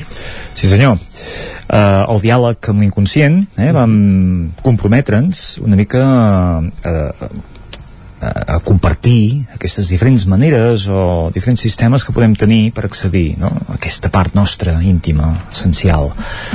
La part que parlarem avui és eh, molt simple, és a través de, del dibuix lliure. És una forma de comunicar-nos amb la nostra part més inaccessible uh -huh. Pot ser simplement, senzillament formular un propòsit, una pregunta, dius, va, jo tinc un projecte, no? Tinc un projecte professional, però m'agradaria definir-lo, aclarir-lo, confirmar-lo, no? Conèixer-lo una mica més bé, a veure cap on haig de desviar una mica aquesta atenció. Llavors ens dediquem un temps, ens dediquem un temps de calma, busquem un espai, eh, inclús al terra, vull dir, jo em havia estirat al terra, agafar un tros de paper, i deixar que emergís una mica aquesta informació que jo podia necessitar a través d'un simple dibuix eh? no ha de ser una obra d'art creativa detallada per penjar en una paret en un quadre. Ha de ser un missatge un missatge, una informació que ens arribi des de dintre. Per tant aquí hem d'intentar alliberar-nos d'aquests filtres. És com una meditació la que intentem eh, silenciar la ment tot el que ens puguem o ens permetem sí. i deixar que una mica apareixi, aparegui doncs en forma de dibuix aquella informació que a nosaltres ens cal encara que no tingui sentit encara que no tingui una forma allò molt, molt, molt, molt maca però sí que quan l'acabem si hem fet bé la feina podem trobar-nos en què ens diu molt més el que nosaltres eh, potser hauríem previst no? Vull dir que el deixar que arribi deixar que arribi que en una sessió d'hipnosi sempre dèiem doncs mira, deixa que arribi no busquis, eh, allibera't d'expectatives aquí ho apliquem també amb una meditació ens alliberem de pensaments no? deixem de buscar permetem el que arribi ho acceptem, deixem que flueixi en el cas del dibuix, el dibuix lliure també pot ser una bona manera eh, de rebre aquesta informació. Les constel·lacions fa 15 dies parlàvem una mica de col·locar les peces dels mhm. components d'una situació, no? de les persones en una empresa o en una família i un cop les havíem col·locat amb la direcció, amb la posició, amb la distància fèiem aquesta mirada des de fora i, i en traiem informació aquí amb el dibuix lliure és una cosa semblant eh? deixem que aparegui el símbol Eh? El símbol pot eh, ser una cosa molt definida, molt clara, o pot ser una cosa realment irreconeixible inicialment, però que amb aquesta mirada des de fora ens pugui donar tota aquella informació que nosaltres eh, ens cal saber en aquell moment. Eh? Quan parlem de dibuix lliure ens hem d'imaginar el, el que surti, perquè jo no em ve al cap que quan en moments morts que tens un bolígraf als dits i un paper a la mà, comencen a sortir fletxes, ratlles, rodones i coses d'aquestes, això seria el dibuix lliure o, o, es, o pensem en coses més hi ha d'haver un propòsit hi ha d'haver un propòsit, hi ha d'haver una direcció hi ha d'haver un, una intenció eh? quan nosaltres marquem una intenció el nostre inconscient s'activa eh, s'enfoca i ens respon si sabem escoltar eh? Uh -huh. dir que quan més tranquils, més relaxats, més eh, buits estiguem, aquesta informació doncs, serà més neta, serà més clara, no? serà més potser més útil per, per però has de tenir l'hàbit de dibuixar o no necessàriament? En, absolut, en absolut ja, jo en sessions que feia, grupals mm. eh, fins i tot se'ns oferia la possibilitat de fer un dibuix compartit i el dibuix a dues mans on tu i una altra persona doncs compartiu el vol i deixeu que surti llavors allò és una informació que, bueno, que, que pertany als dos, no?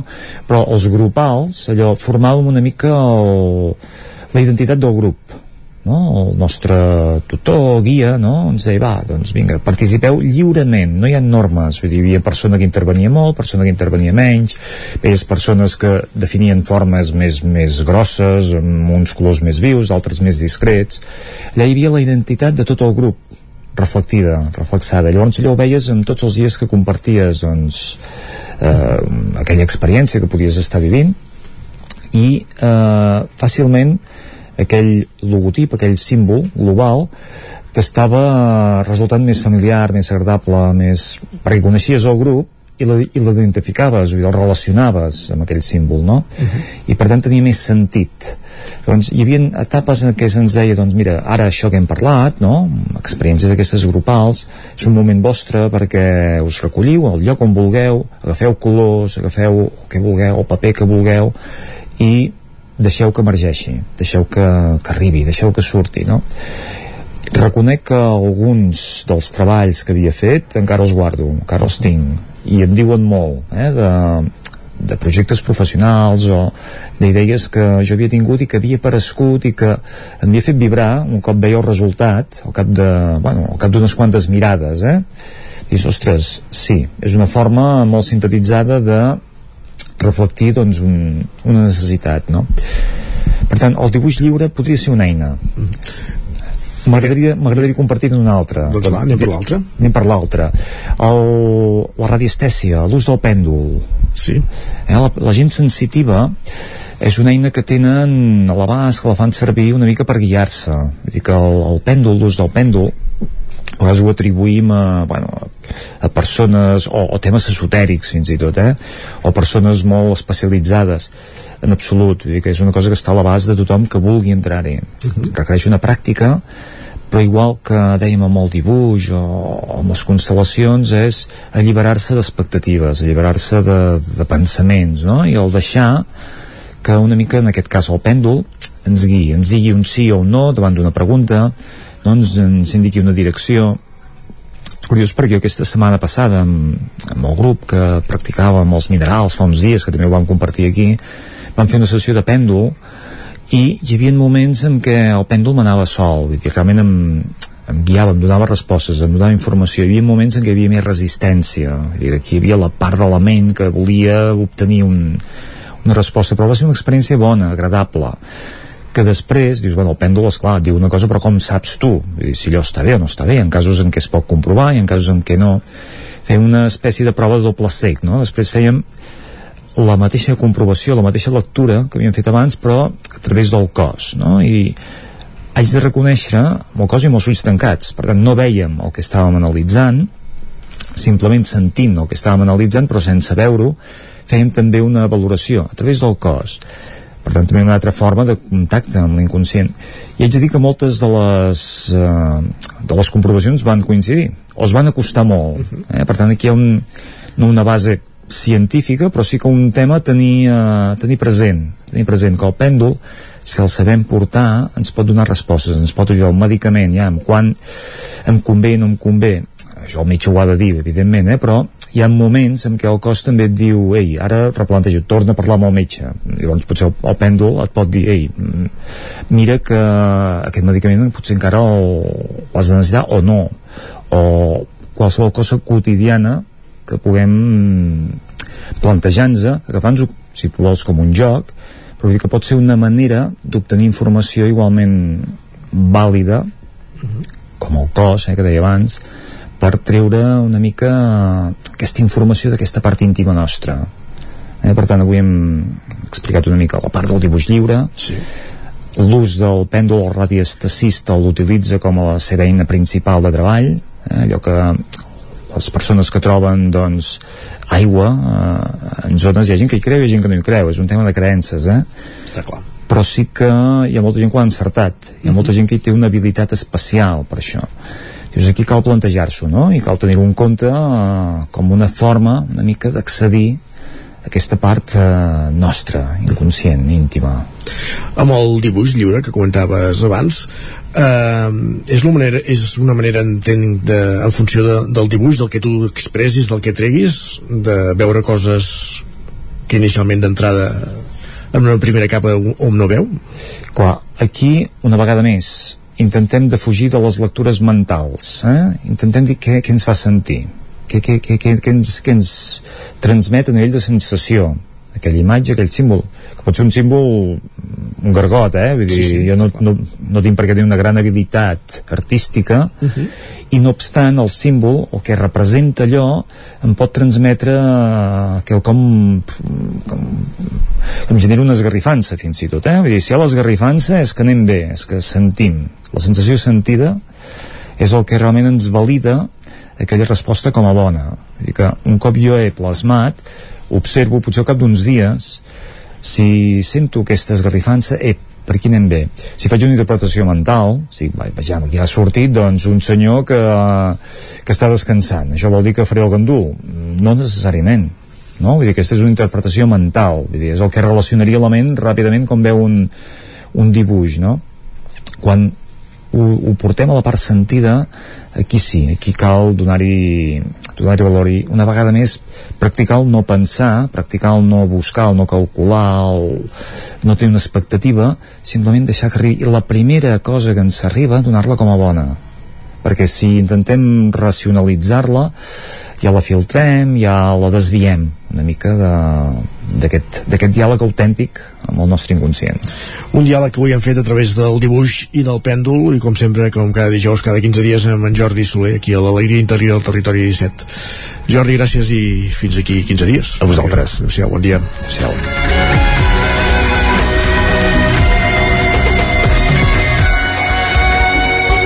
I amb l'alegria interior arribem a la pausa. Farem 3 minuts de pausa tot seguit, però de seguida tornem al territori 17, 17 per encarar la recta final. Passarem per l'R3, com cada dia amb l'Isaac Muntades, que ens recull la crònica dels oferts usuaris de la, del nostre tren de cada dia, de la nostra línia de tren i acte seguit anirem al cinema. De la mà d'en Joan Garcia i en Gerard Foses, des de la veu de Sant Joan coneixerem les estrenes de la setmana, la cartellera a les sales de casa nostra i alguna recomanació cinematogràfica abans també d'acabar el programa parlant de sèries i de les recomanacions que es faran l'Òscar Muñoz i l'Isaac Muntades. Per tant, encara queda Territori 17 per estona encara li queda una mica d'acord del territori 17 d'aquest 16 de juny de 2022, una petita pausa de 3 minuts i tornem ara mateix. Fins ara. El nou FM, la ràdio de casa, al 92.8. Ja tenim aquí la rebella de Sant Joan. Prepara't! A Manli seleccionem el millor en pirotècnia, bateries, bengales, trons, coets, els millors preus, ofertes tots els dies de rebella i tot l'any. Visiteu el catàleg a manli.cat. Manli, al carrer Ramon Soler, telèfon 93 889 0484. Vic, Sant Joan, ja és aquí. Vine al racó del León i celebra la rebella de Sant Joan. Menú especial, coca de Sant Joan i llangonissa per tothom. Gaudeix de la rebella de Sant Joan al racó del León, carrer Torelló, número 35 de Vic.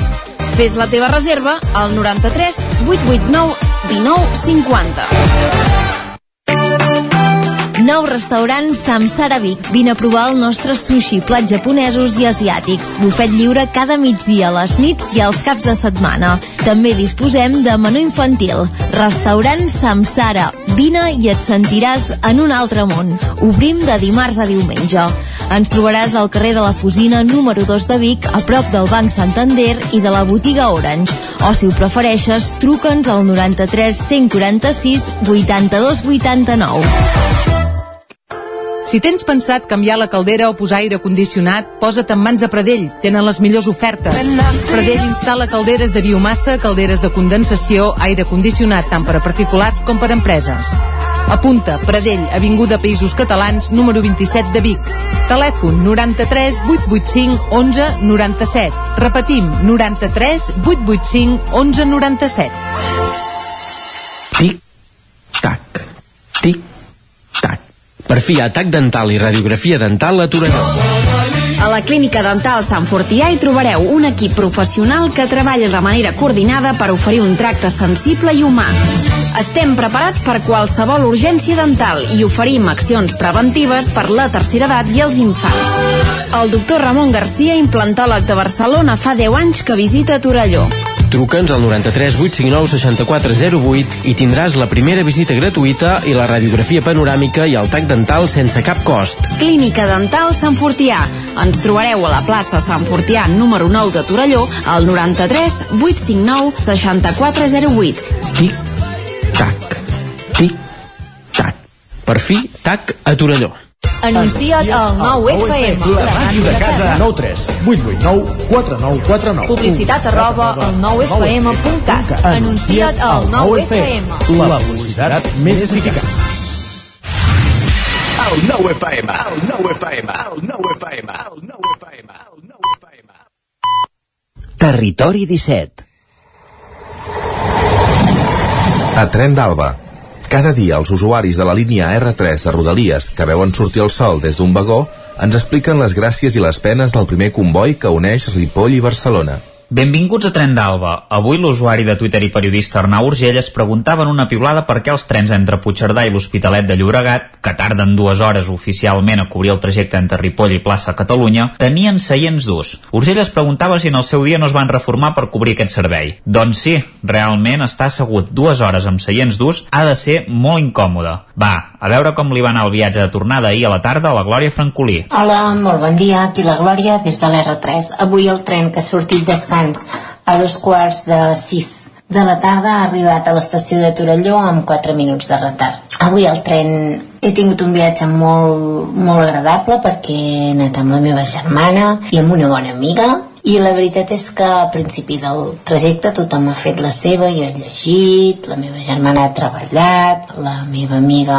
ha mirat el correu electrònic, ha tuitejat, ha fet feina amb el, amb el telèfon. I quan hem passat l'estació de Centelles més o menys ens hem posat a xerrar i hem parlat del servei del tren hem parlat, per exemple, que tant jo com la meva germana hem decidit no anar amb tren al matí per, perquè era un desgast emocional molt fort i, i tot i estar convençudes de la necessitat d'utilitzar el transport públic haver optat per no fer-lo servir a no ser que no tinguem altra opció. I hem pensat que era una pena perquè llavors hem començat a dir les coses tan bones que té anar amb tren i com per exemple el paisatge, la tranquil·litat, um, que és més còmode, que té lavabos, és a dir, són mil característiques les que fan que el tren guanyi per descomptat a tots els altres sistemes de transport. Però la gran pena és que en el nostre cas tenim una línia que no és del tot fiable i quan necessita ser a una hora i a un lloc concrets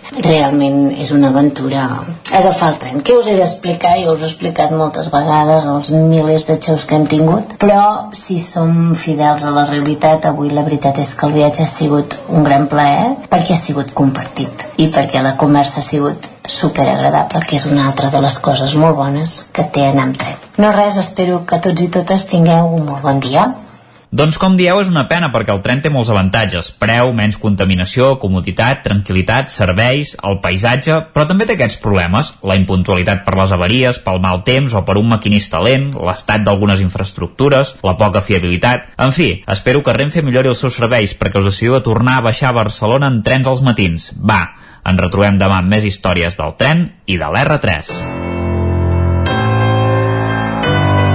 Territori, Territori 17. 17. Territori 17.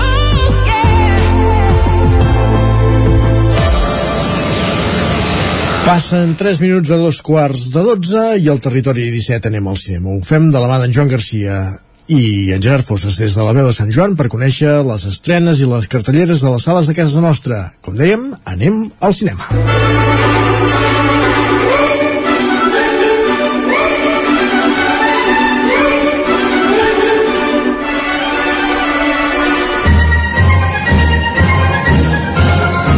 Una setmana més, moment d'anar al cinema i de fer-ho, com sempre, aconsellats o acompanyats del nostre col·laborador i crític cinematogràfic, en Gerard Fosses. Hola, Gerard. Hola, què tal? Bé, i tu? Bé, molt bé.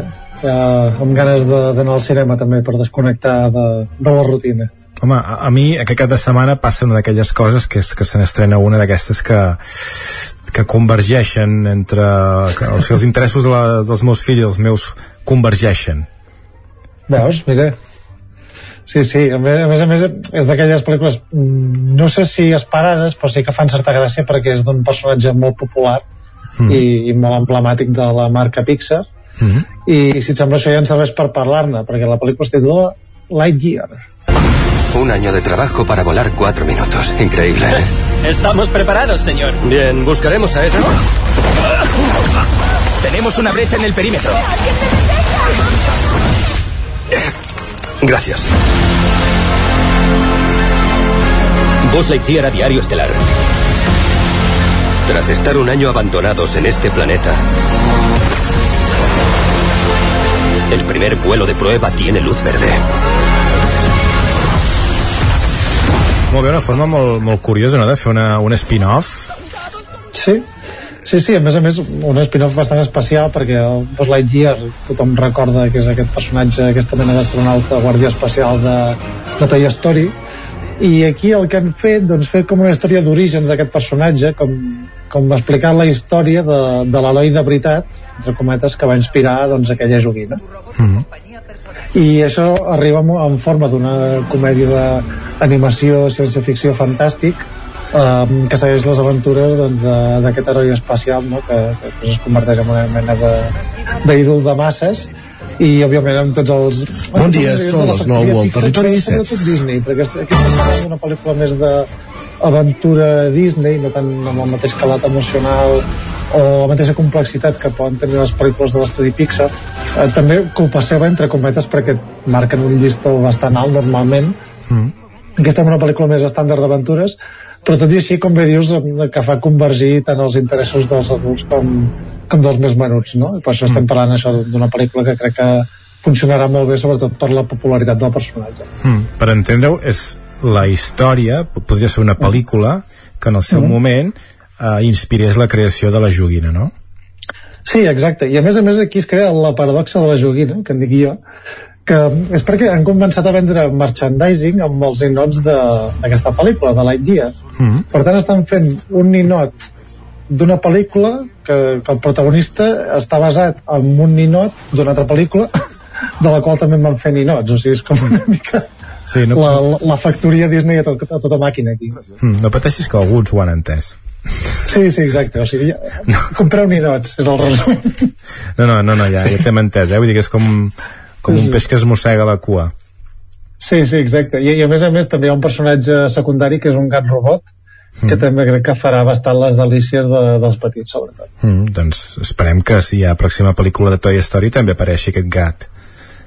Sí, a veure, a veure.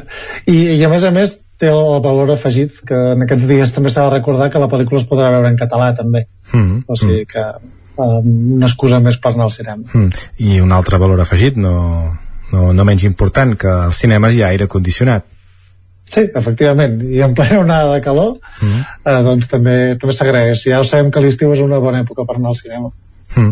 a, a veure pel·lícules llargues sobretot, eh, recordem-ho Sí, sí, no, no, ara just pensava eh, que ara que també s'estilen els cinemes a la fresca aquesta setmana no, no poden ser possibles. Cinema a la fresca justament és, el, no. és a, a, a l'edifici no, sí, exacte, no dins de la sala. Molt bé, Lightyear que es podrà veure al cinema Sucre i a l'Ocine de Granollers i a altres llocs de la, del, del nostre territori ja ho, ja ho veurem després perquè crec que Ripoll també, també es projecta. Sí. molt bé, a la següent Anem per la següent, que és una pel·lícula així bastant, bastant friki, direm, uh, i és com una mena de, de catedral uh, una figura que ja s'ha convertit mítica, uh, perquè és un personatge ja que va quasi bé més enllà de les seves pel·lícules, com és Nicolas Cage que arriba amb, una comèdia autorreferencial que es titula uh, L'insuportable pes d'un talent descomunal. ¡Nicolas Cage! ¡Que alucines! ¡Me encantan! Tenemos otra oferta. Es de un millón de pavos. Consiste en ir a la fiesta de cumpleaños de un hombre rico. Es demasiado flipante. Se supone que soy yo. Es grotesco. Te doy 20.000. ¿Esto de qué va? ¿Sabe con quién se está relacionando? Es el líder de un cártel internacional de armas. Tiene que ayudarnos. Molt bé, uh, és això, Nicolas Cage fent de Nicolas Cage. Sí, efectivament, i està com recollint una mica el testimoni d'aquesta figura que, que s'ha anat creant, perquè els últims anys de Nicolas Cage potser hi ha molta gent que el dona per desaparegut, però ha anat fent pel·lícules, i moltes pel·lícules dintre del terreny del fantàstic també, algunes de millors, altres pitjors. Um, però la qüestió és que està agafant com molts papers i, i a més a més papers on, on ell deixa anar la, tot el seu caràcter, tot el seu carisma i fa completament de boig no? i com més esbojarat millor. Pel·lícules com, com Mandy, com uh, Color de l'espacio exterior Prisoners of the Ghostland, l'última etc etc i s'ha creat com això, aquesta mena de, de figura no? que destaca això per, per, per les seves esbracanades allò cridant i aquelles mirades fixes així superboges i diguem que tot aquest pòsit subcultural doncs arriba dintre d'aquesta pel·lícula d'un director que es diu Tom Gormican que va convèncer Nicolas Cage pel paper bastant ràpid a més a més i aquí s'interpreta a si mateix on, on és un actor diguem que en decadència o que ja no està diguem al primer nivell d'estrella eh, però que igualment és un actor molt idolatrat i el, un milionari el convida a la seva festa d'aniversari perquè el vol conèixer allà a Mallorca justament. I diem que allà el Nicolas Cage, eh, heroi d'acció del cinema, doncs es troba involucrat en una mena de trama criminal que l'involucra la CIA, s'ha d'infiltrar en una organització i diem que allà comença a fer de, de d'acció a la vida real, no? entre cometes. I a partir d'aquí això doncs, és una comèdia de situacions molt absurda, però també bastant divertida, sobretot en el primer tram on diguem que hi ha un homenatge més clar a la figura mítica de Nicolas Cage. Llavors la pel·lícula es va desdibuixant, però, però és bastant divertit. És, és sobretot això, per fans de Nicolas Cage, i que vagin a disfrutar amb, la, amb les bogeries de- d'aquest personatge.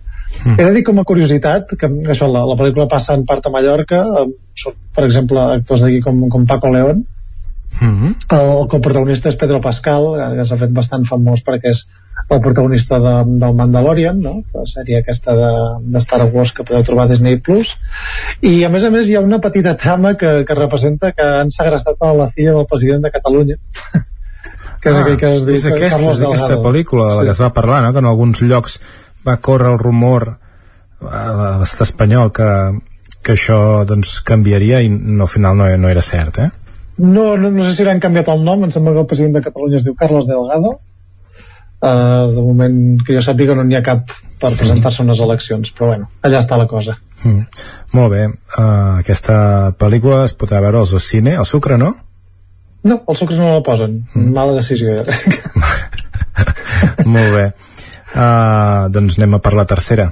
Aquesta, al revés, només es podrà veure al Sucre.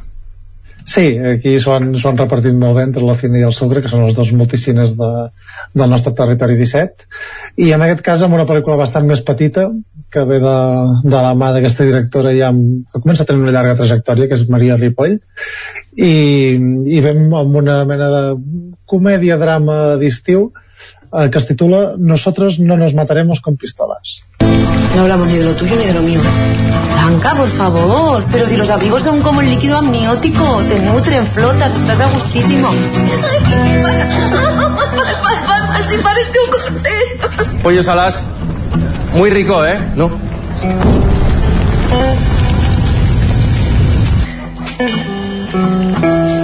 Molt bé, explica'ns.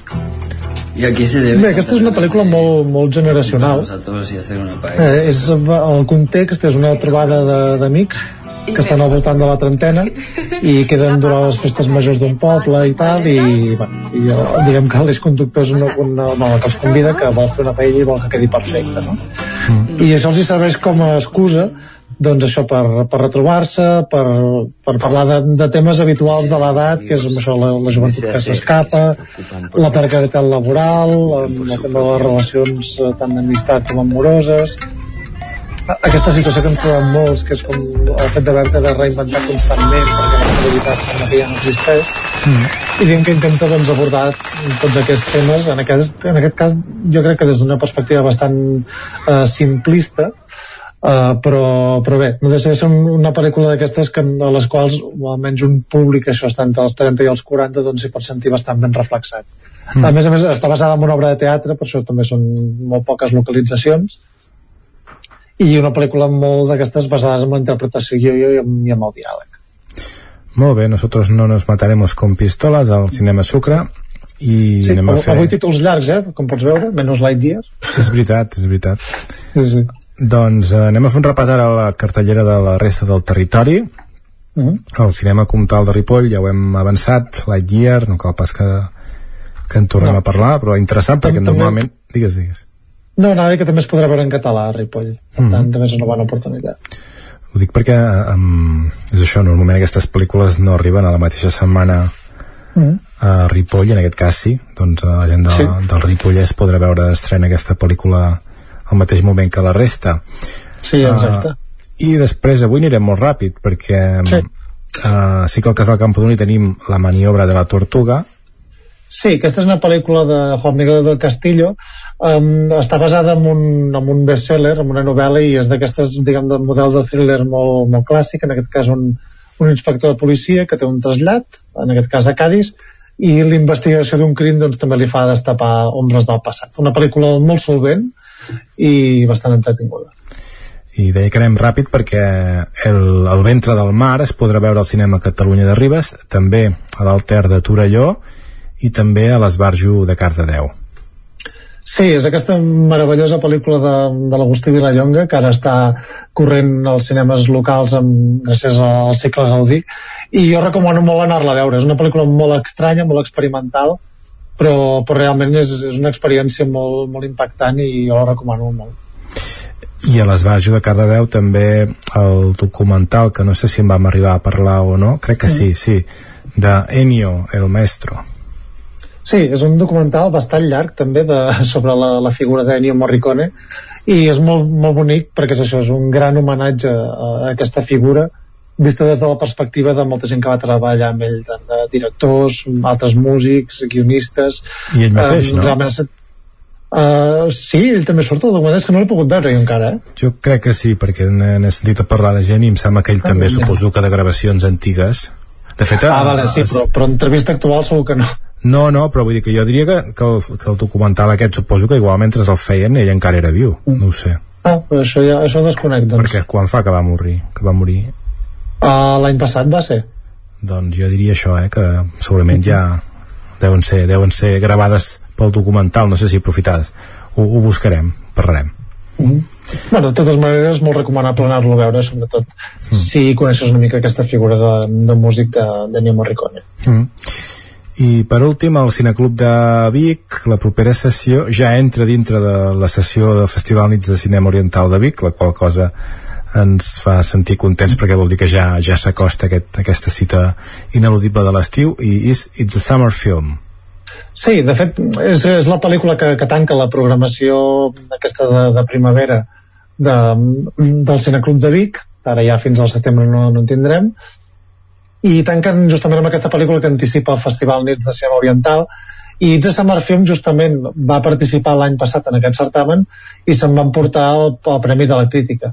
Um, és, una, és una comèdia adolescent d'uns joves que a l'institut decideixen gravar una pel·lícula de samurais amb un protagonista molt especial que no, no ho desvetllaré perquè vull animar la gent que la vagi a veure perquè és d'aquestes pel·lícules que generen molt bon rotllo.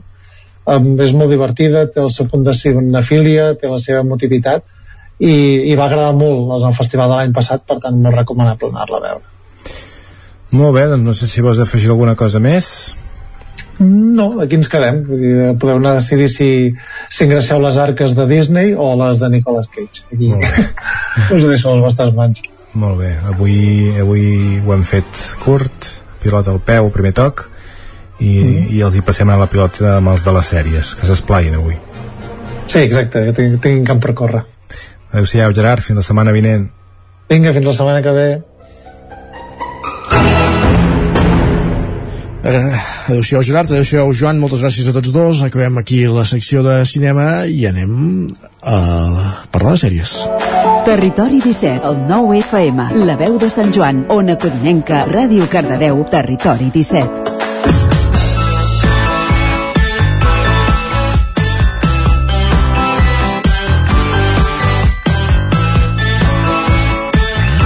11 minuts que falten perquè siguin les 12 i saludem avui l'estudi a l'estudi de la veu de Sant Joan l'Isaac Muntades i l'estudi de Ràdio Televisió Cardedeu l'Òscar Muñoz, benvinguts, bon dia a tots dos Bon dia Bon dia Què? Quines sèries heu vist? Quines sèries hem de veure? I de quines sèries parlem avui? Qui comença? Mm, si us sembla començo jo uh, Em sembla que amb... comencis tu, va Perfecte Va, Uh, doncs mireu, jo us recomano Entre Vies, sí. que aquesta sèrie és una sèrie de televisió que de fet ja ja es va emetre no, aquest any, va sortir aquest any a, a Mediaset per, per Telecinco i, i bé, és una sèrie bastant uh, jo, jo la definiria entre divertida uh, de, però també hi ha una mica de d'una mica de tragèdia, però és com una comèdia àcida, està, està molt bé. És una sèrie que té ara mateix dues temporades de 16, de, bueno, de, amb 16 episodis en total, 8 per temporada, que són d'aproximadament una mica més d'una hora, i que parla de, d'en Tirso. Dues temporades sí. ja? M'he quedat a la primera. Dues, doncs. Dues temporades, sí, sí, sí, sí, sí, sí, sí. Té, té dues temporades, el que passa que ara, per exemple, si l'esteu mirant a Netflix, que sí. és una de les plataformes que la donen, només tenen la primera. Ah, per això ho deia, d'acord. Per això, per això us pot, es, es pot estranyar, exacte. Uh, la sèrie parla, viatja uns 10-12 anys enrere, aproximadament, i parla d'en Tirso Avantos, que ve ser un exmilitar de la guerra de, de Bòsnia, que està en un barri que es diu Entrevies, i regenta una, una ferreteria. I en en aquest barri i, sí. i està encarnat per en José Coronado això val a dir-ho també exacte, exacte, i està encarnat per en José Coronado que fa una feina excel·lent uh, Déu-n'hi-do el paper que fa perquè realment uh, ha d'interpretar el, el típic avi grunyon per dir-ho d'alguna manera i, i realment ho fa molt bé perquè és una persona doncs que uh, sí que també és rabiut però alhora també té bon cor en el fons però molt en el sí. fons, eh? perquè la, sí, molt en el fons les situacions sí. de ràbia les recargola molt diguem sí, clar. sí, i té, i, i té punts de racisme inclús en sí, alguns sí. moments però, però que per dir-ho suau també i, i, i bé, i en certa manera també té un humor allò bastant d'ironia també i és, és divertit, si més sí, no en, en un moment i bé, tot comença una mica perquè ens fem una idea uh, que, perquè la seva neta Irene que està interpretada per Nona Sobo, eh, que és una, una jove que va ser adoptada de, quan era petita per, per als uh, fills de, bueno, per una de les filles d'en de, Tirso,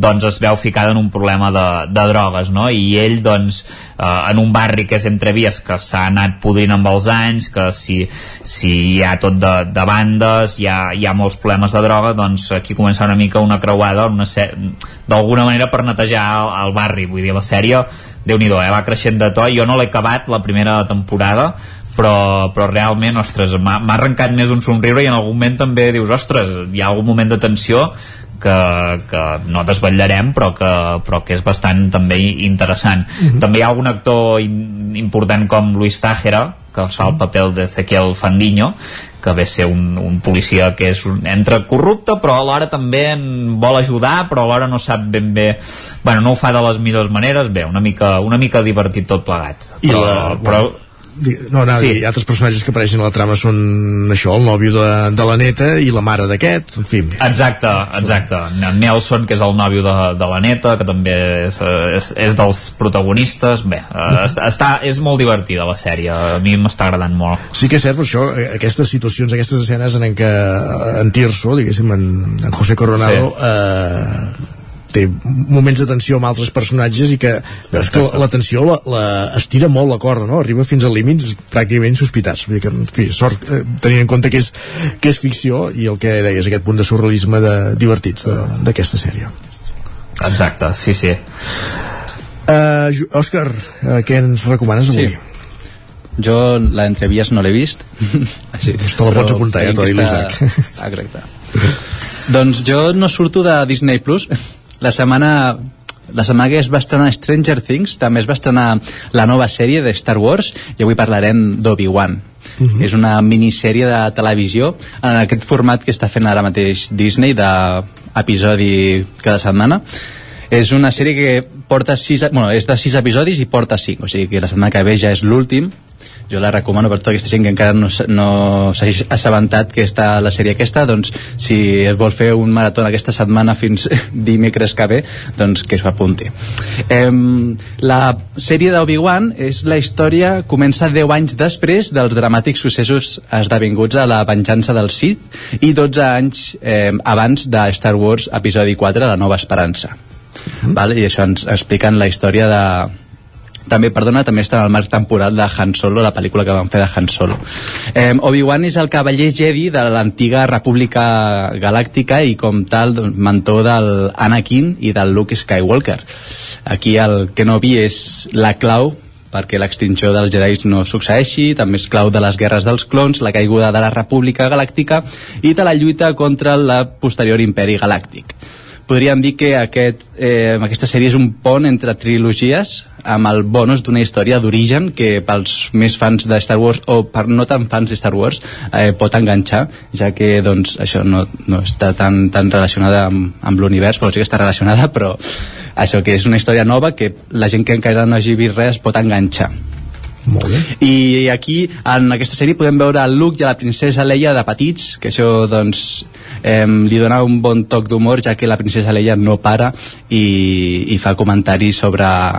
Eh, li fa comentaris al, a l'Obi-Wan sobre que és un avi que podria ser el seu, el seu avi, llavors, doncs, això hi ha un toc graciós entre aquesta entre l'Obi-Wan i la princesa Leia de petits s'ha de dir que el paper de la princesa Leia en aquest últim episodi que vam veure ahir doncs no té tant protagonista ja el protagonista és l'Obi-Wan uh mhm. -huh. que bueno, no vull comentar massa perquè surten personatges doncs, bastant potents sí? i que doncs, això, la gent que de Star Wars que hagi seguit una miqueta la, la història doncs jo crec que s'alegra de, de veure aquests personatges en aquesta sèrie a Disney Plus Obi-Wan aquesta reminiscència de Star Wars que ens comentava l'Òscar dies enrere Òscar ens vas parlar de la nova temporada de Stranger Things i l'Isaac ja l'ha vist sí.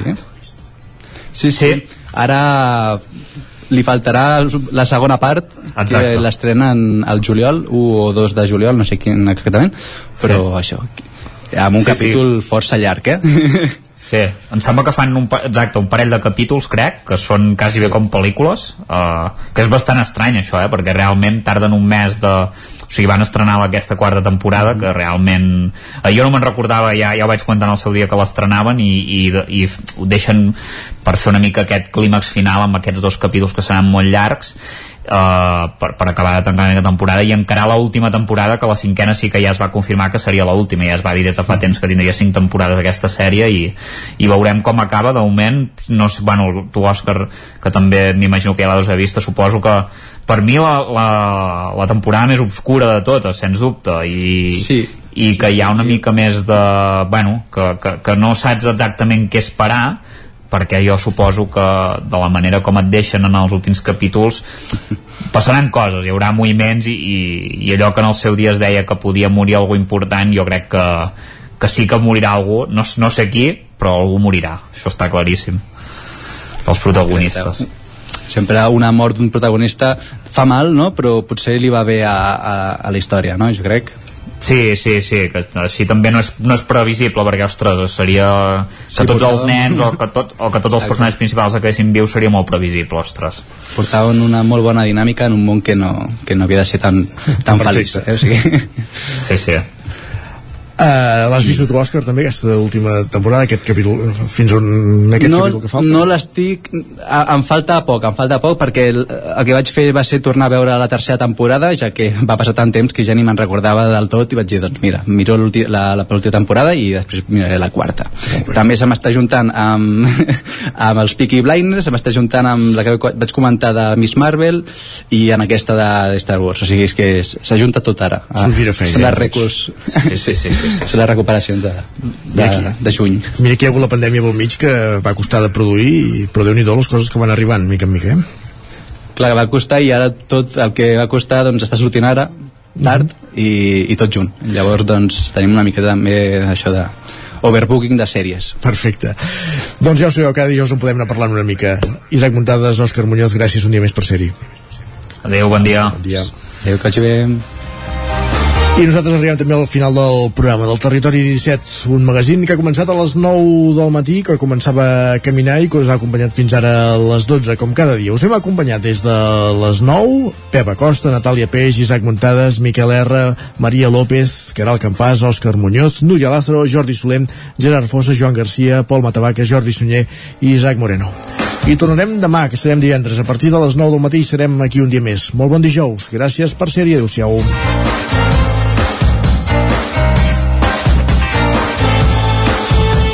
Territori 17, un magazín del nou FM. La veu de Sant Joan, Ona Codinenca i Ràdio Cardedeu amb el suport de la xarxa. El nou FM